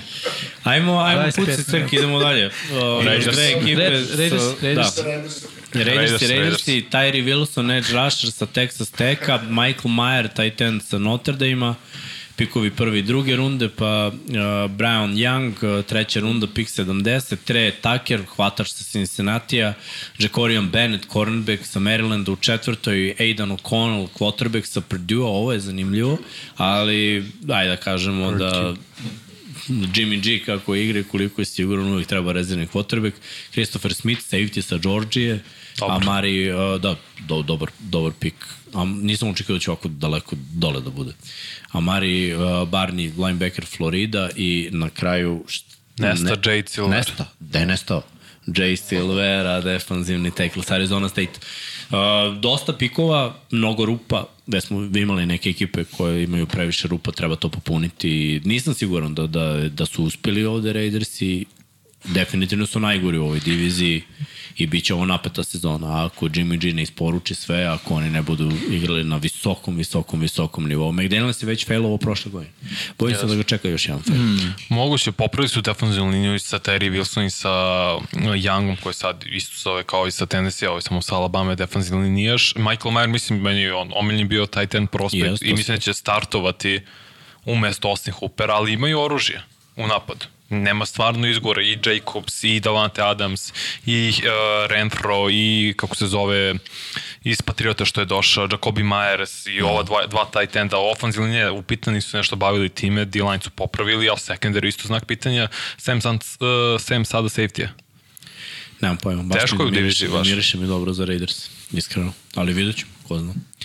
Možemo dalje, idemo na Denver. Denver je isto... Najkraći ovaj, draft. Pa dobro, dali su, sve su dali za Rastela, ali dobro, imali su neke dobre poteze, imali su dobre poteze u free agency, doveli su neke igrače, tako da ajde, kao malo su nešto odradili. Druga runda Marvin Mims, hvatač sa Oklahoma, treća runda Drew Sanders, linebacker sa Arkansasa, uh, Riley Moss, cornerback sa Iowa u trećoj rundi takođe i šesta runda uh, JL. JL Skinner. Skinner, safety sa Boise State. Onako, Sanders, tanko, starter, kratko, odmah. jasno, Da, Sanders kažeš ti, linebacker odmah starter. Može će čak i Marvin Mims biti, imati neku dobru rotaciju, jer zavisi, njihovi hvatači su dobri, mladi, ali to je veliki znak pitanja koliko mogu. Dobro Ja čekam odbrana je neki bilo... trade njihovih hvatača. Dobro Jesu odbrana je bilo prošle mm. godine. Šta znam, ono, delovalo je kao da odbrana ne mora da trpi ne, neke promene, ozbiljne promene, draft, ovo, da.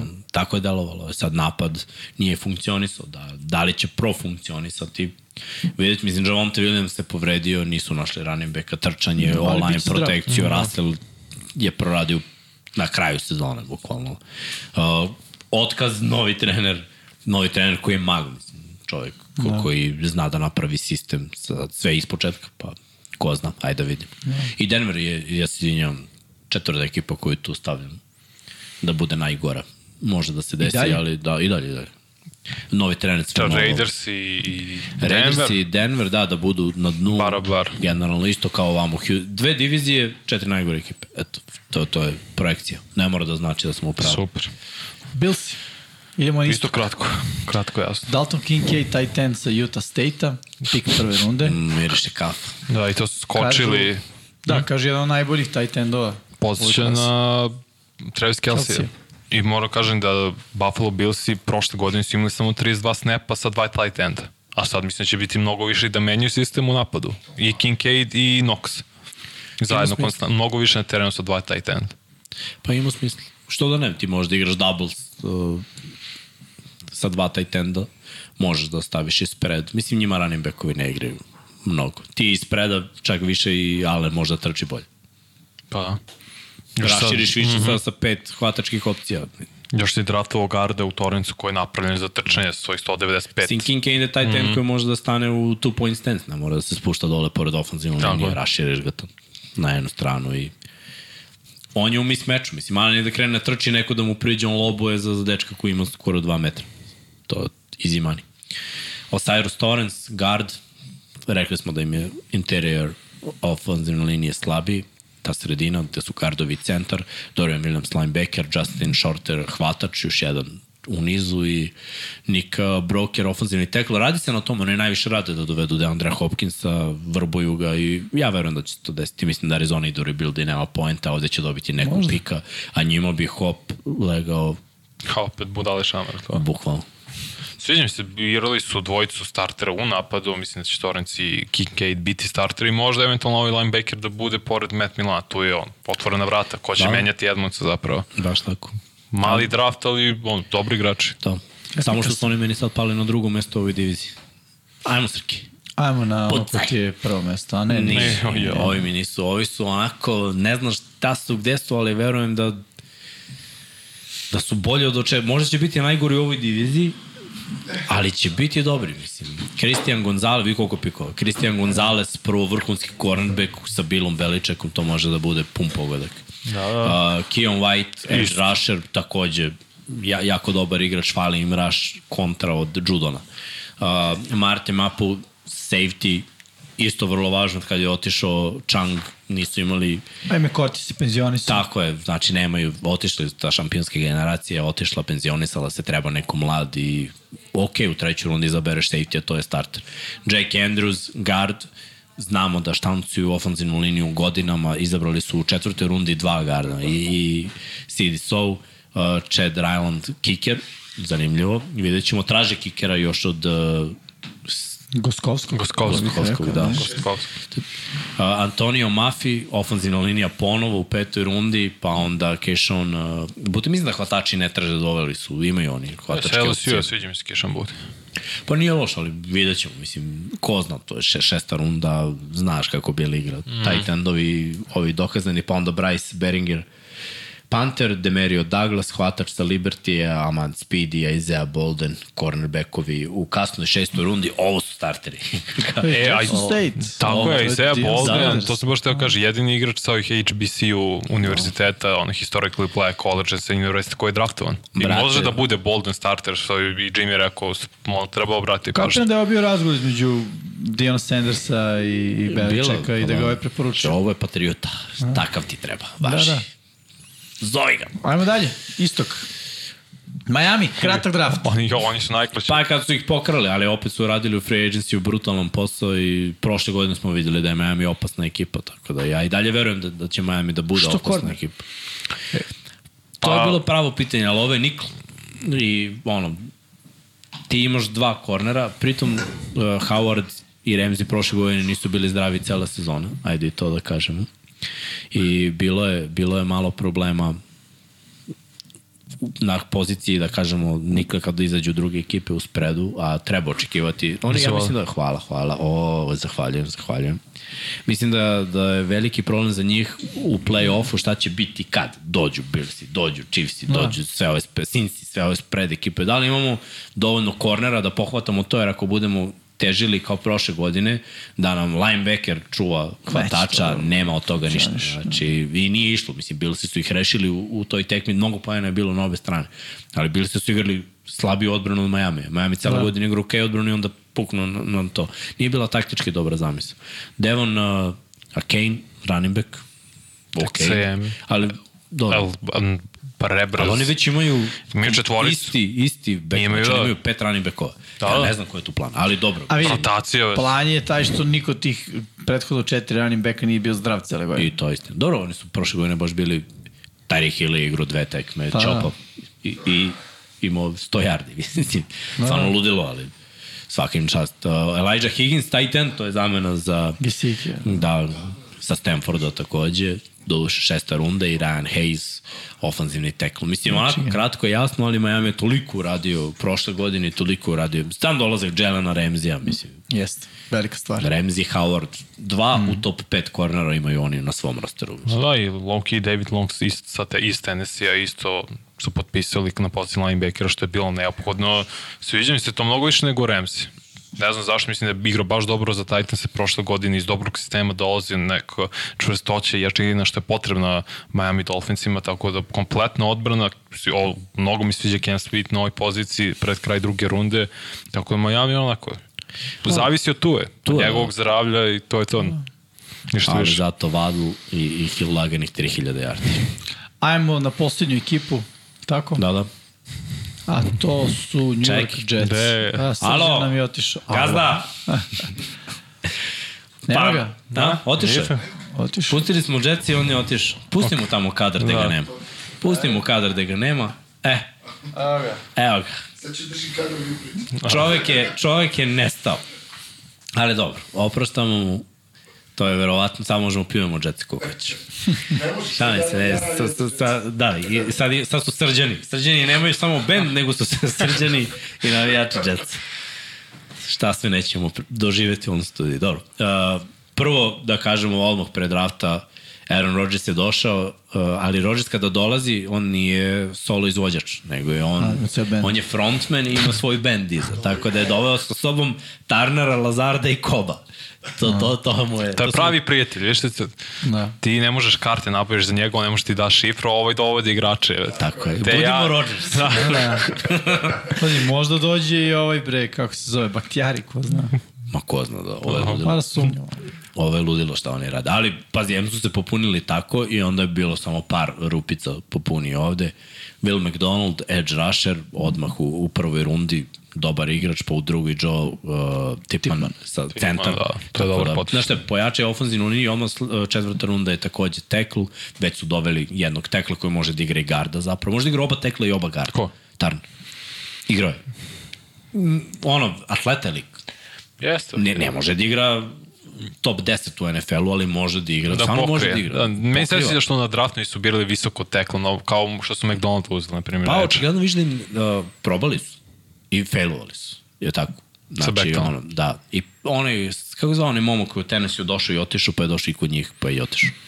Sećaš se, O, onaj znam što je bio potencijal, na kraju nije htio da igra fudbal, da, da, odustao. ne mogu se Igrati. Tako da ono, pokušavali su da naprave, nije im išlo i onda možda bolje da dovedeš nekoga. Pritom imaš veterana kvotrbeka kom treba neko ko, ko razume, ko zna. Mislim da je, da je to pa da je, da je to u stvari rešenje bilo. Pa u peta runda Izrael, Abanikanda, Lepo Jeste. ime. Jeste, rekao. Zaire Barnes, uh, linebacker sa Penn State-a, Jerick Bernard uh, Converse, cornerback sa LSU-a i Zach uh, Kantz, tight end sa Old Dominiona. Mislim, kad pogledaš ovako draft, nije to nešto spektakularno, izabrali su dva dobra igrača, Mhm. dva startera, oni su već imali starteri, gotovo na svakoj poziciji. Dobili Njima je su dubinu mislim. i, hva, i par hvatača Da. da. iskusnih, dobili su to, imaju jednog baš iskusnog i jednog kog voli Rodgers, koji zna da. kako igra Rodgers. E, ima i Wilsona s kojim Rodgers treba napravi konekciju. To I to je i radio sad, mislim, on kad je došao imao je nekoliko treninga sa Wilson, to mi se svidelo. Pazio, Garrett Wilson, Lazard, Nicole Hardman, Corey Davis, Randall Cobb, Denzel Mims. Ma ki dobro. Opasno. Tyler Conklin, CJ Uzoma, taj ten. Da, da, opasno, opasno Mnogo imaju skill set. Uh, Zvuči Jetsi, dobro. Jetsi mirišu na play S onom odbranom, s Aaronom Rodgersom i ovim klincima, uh, pritom se vraća Hall. Tako je Brice Hall. Očekujemo, prošle godine nije grmeo dok se nije povredio, stvarno mm -hmm. vrhunski bi, bio je na pragu, po mom mišljenju, da, da bude is- isto uspešan kao i Kenneth Walker. Mm. I re, rekao sam pre drafta da su njih dvojica meni pikovi prve runde, ali zbog vrednosti running backa odoše u drugu. Ali to su vrhunski igrači bili u yes. mojim očima i pokazali su na terenu. E sad sledeće godine vidjet ćemo to, vidjet ćemo još neke igre. Ali Rodgers će tu da napravi razliku u tim utakmicama u diviziji. Opasna divizija, ovo je baš opasna AFC, divizija. kako da rangiraš evo, ekipe u severu? Ja ne znam kako može Ja pojedna. odbijam kad radimo sad power ranking da moramo da odvojimo AFC i NFC. Jer mogu da nabrojim 15 ekipa u NFC-u ispod celog AFC. Pa dobro, ti tako to uradi. Da, nije, nije fair. Jer ono, ipak neko mora tamo da bude prvak divizije da uđe u playoff i da ga Pa stavi dobro, gore, ti rangiraš bio power ranking, ne zavisi od divizije. Koliko je, koliko je ovo čudno, ovo se nikad nije da. Ovo je nekad bilo zapadna konferencija u košarci i istočno. Sećaš Da, da, da. kad je zapad, tipa osmi na zapadu 50 koji ulazi u playoff je imao i skor kao i drugi, treći na istoku. Znači, bukvalno si znao isto kad uđe protiv šampiona zapada, bit će da. Da. sweep ili jednu pobedu će da... I to je to. Eto, sad smo to doživjeli u NFL-u, što je jako čudno, ali ajde, promenit će Dešava se. Dešava se. Mm. Prođe Pokrili smo sve, da. Prođe smo. Nije delovalo moguće, ali smo uspeli. Pa da. To pre devet. Uh, I to pre 9, da. Ili pre ponoći, da. Petak. Pa ne, onda. 8 i koliko? A, da, da, 20 do da, 9. Pre Pa nije da. ni 3. Ako su počeli u 6 i 15. Stavit ćemo u 8 premijeru i da, da Pa kažemo. dva i po sata Dva i lagan. po sata. evo. Ništa, je pitanje i odgovor. Nema pitanja odgovora. Mislim da možemo da za- zaključimo pre nego što sam dobio kaznu. Može si kasno. Ili ti dnevnu kartu. Pa kazna ti je 2 minuta. Još uvijek i nisam dobio 10. dnevnu kartu. Bravo, bravo, dobro je. Možda nećeš, mislim da nećeš. Čekaj, polako. Do 9 je li tako? To što... Posle foru da izgledaš kasno. Bez je prošlo. Inače, prošlo. Bravo, Inače, prošlo. bravo. Posle, ako to posle, brate. Ne, ne, ne, ne. Verujem, prošlo. Hajde da kažemo ovako, sumirali smo to, prošli smo ceo draft, uh, bilo je tu još nekih potpisivanja slobodnih agenata, rekli smo Donovana Smitha, on je bio kao jedno od zvučnijih imena i dalje se traži, dalje ima dobrih igrača koji su i tu na raspolaganju, ali da. verovatno se čeka to obaranje cene, neki će biti potpisani kad krene sezona. Zik, jedan od... Pa mnogi, brate. ja mislim da će ono krenuti sezona i da će onda svi uhvatiti tu frku, okej, okay. Ajde sad za manje para. Da, pa kad vide kamp, kad vide šta imaju, znaš. No, prođe kamp, neko se povredi neko i onda, povredi da, i onda i onda krenu, krenu pozivanje. Ali ovako realno gledano dobra priča za, za većinu timova, zanimljivo je, dosta dobrih igrača, dosta dobrih klinaca, neke nove zvezde, sve ćemo to moći da vidimo, nadamo se. Eto, sad smo zaokružili ovu priču sa, sa draftom, da. to je onako lepo, mogli ste da ispratite s nama najavu drafta, prva runda, druga i treća runda i evo sada analiza drafta, tako da četiri epizode sad smo to rešili i okrećemo se znači rasporedu, sledeća misija biće planirana da, da se odradi raspored i Tako je. Ja. Mi smo najgori. Srđane, moraš da, da odjaviš. Nema da. pitanja. Sve smo, sve smo, ti, sve smo ti rešili. To ti je Ako, ako završeno. možeš u dva minuta da Jimmy ne dobije kartu. To je sada čekaj. Poštovani gledalci, mi nismo, shopping, mi nismo radili ništa na draftu, mi smo kupili ono što je trebalo. Tako da New York Jets jesi to spremao for the title. Ne, ne, ne. Rodgers i band. Tako je. Svi su došli, svi su došli tamo gde treba da dođu. Pa šta, jer ne razumem. All on board. Ču, ču. Tako je. Ne, stvarno svaka čast u kom momentu si se uhvatio, znači ne da budeš bandwagon, nego da budeš lokomotiva. Te, da, tako je, da se zna ko je dizel. Nije ti bilo lako, pretrpeo si svašta, Ali, ali sad može da bude dobro. Zelena kosa. Ali je. ako budete failovali ove godine s Rodgersom i sa svim ne, ovim, vidi. Šta znači spremi se na ribanje, sam se, be, bez da. brige, vidi. Ja sam ti rekao, Atomic, ili levo ili desno, ili ćemo sve da uništimo, ili ne ostaje ništa iza Rodgersa, samo nuklearna zima, razumeš, nastupa u Njurku i to ti je to. Fallout 1976 će postati Fallout 2024. I to bi bilo to. Vidit ćemo. no, Uuu, Može bude dobro. čekaj, East Coast se javlja, vidjet ćemo. Vidjet ćemo. ne, smo i zeleni. zeleni, jao, dr, ljudi, ba dobro, zabavno će biti u svakom slučaju. A, dok je, pripala mi je čas da odjavim emisiju, šta da vam kažem, nego zadovoljstvo mi je što sam bio ovde za New York Jetse, ali baš se pot... znao sam da će da se potrefi, jer znaš, kao, ne mogu sad da izađem, moraš sad da izađeš, ne mogu sad da izađem, moraš sad da izađeš, ne vez. Uh, u duhu 99 yardi, ljudi, lepo je biti sa vama i družiti se s vama i učiti od vas. Idemo mi dalje, Zero sugar, ali 99% snage, još 119 dana, onda 100% snage stiže jer počinje sezona, pa da vidimo, a u četvrtak će se saznati, jel te, to jest juče se saznalo koji timovi s ovom najavljaju, jer mogu da da najavljaju za sledeću Rekao je Miksa, da, ali To, može. to ti kažem. Može, Da, može. Miksa, Pričamo o rasporedu. previše provodimo vremena zajedno. To ti je, to ti je To završeno. ti je završeno. Pa kao, što bi rekao Miksa. Ljudi, šaljamo puno ljubavi, mazite se, pazite se, budite dobri jedni prema drugima. Naravno, like, subscribe, share, sve ostale lepe stvari pomaže patreon.com kroz Infinity Lighthouse, ali pre svega, ukoliko želite da budete lepi, zgodni, jel te, i sjajno obučeni, Malo trenirajte. A, to, to. Malo trenirajte. ok, dobro. ne, ne znam zašto, ali, ali dok i zaslužio sam. I dalje je sezon od Ukseva, ali počinje sezon u majici. Tako je. I još jedna stvar, samo rekao si ako, ako ne uspemo. Šta će biti kada uspemo? Dogovorit ćemo se. Biće neka da Vanja opklada ne sigurno. prihvata opklade. To ti ne prihodiš, ja dajem off. Ko je moja opklada? Opklada. Ja sam tebe Ste častio. kladili. I dobio je čovjek. Pa, ali si ispoštovao. Jesam, Pa, da, dečko da. ste kladi, znaš. Znači, samo, Samo voli da sigurno. pobeđuje, ništa drugo. Bira, bira kad se kladi. Rešit ćemo ga, To se zove mudro.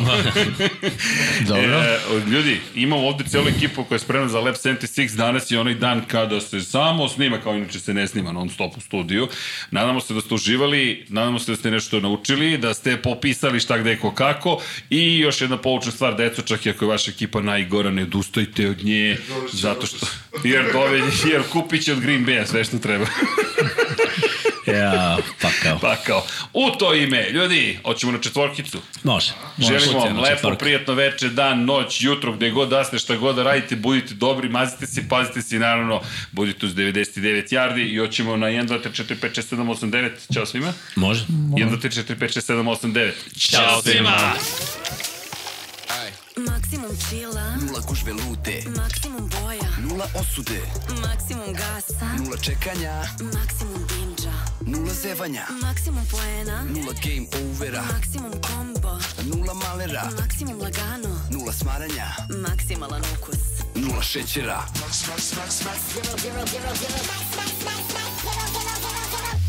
Pepsi Max, Maksimalan ukus. nula šećera.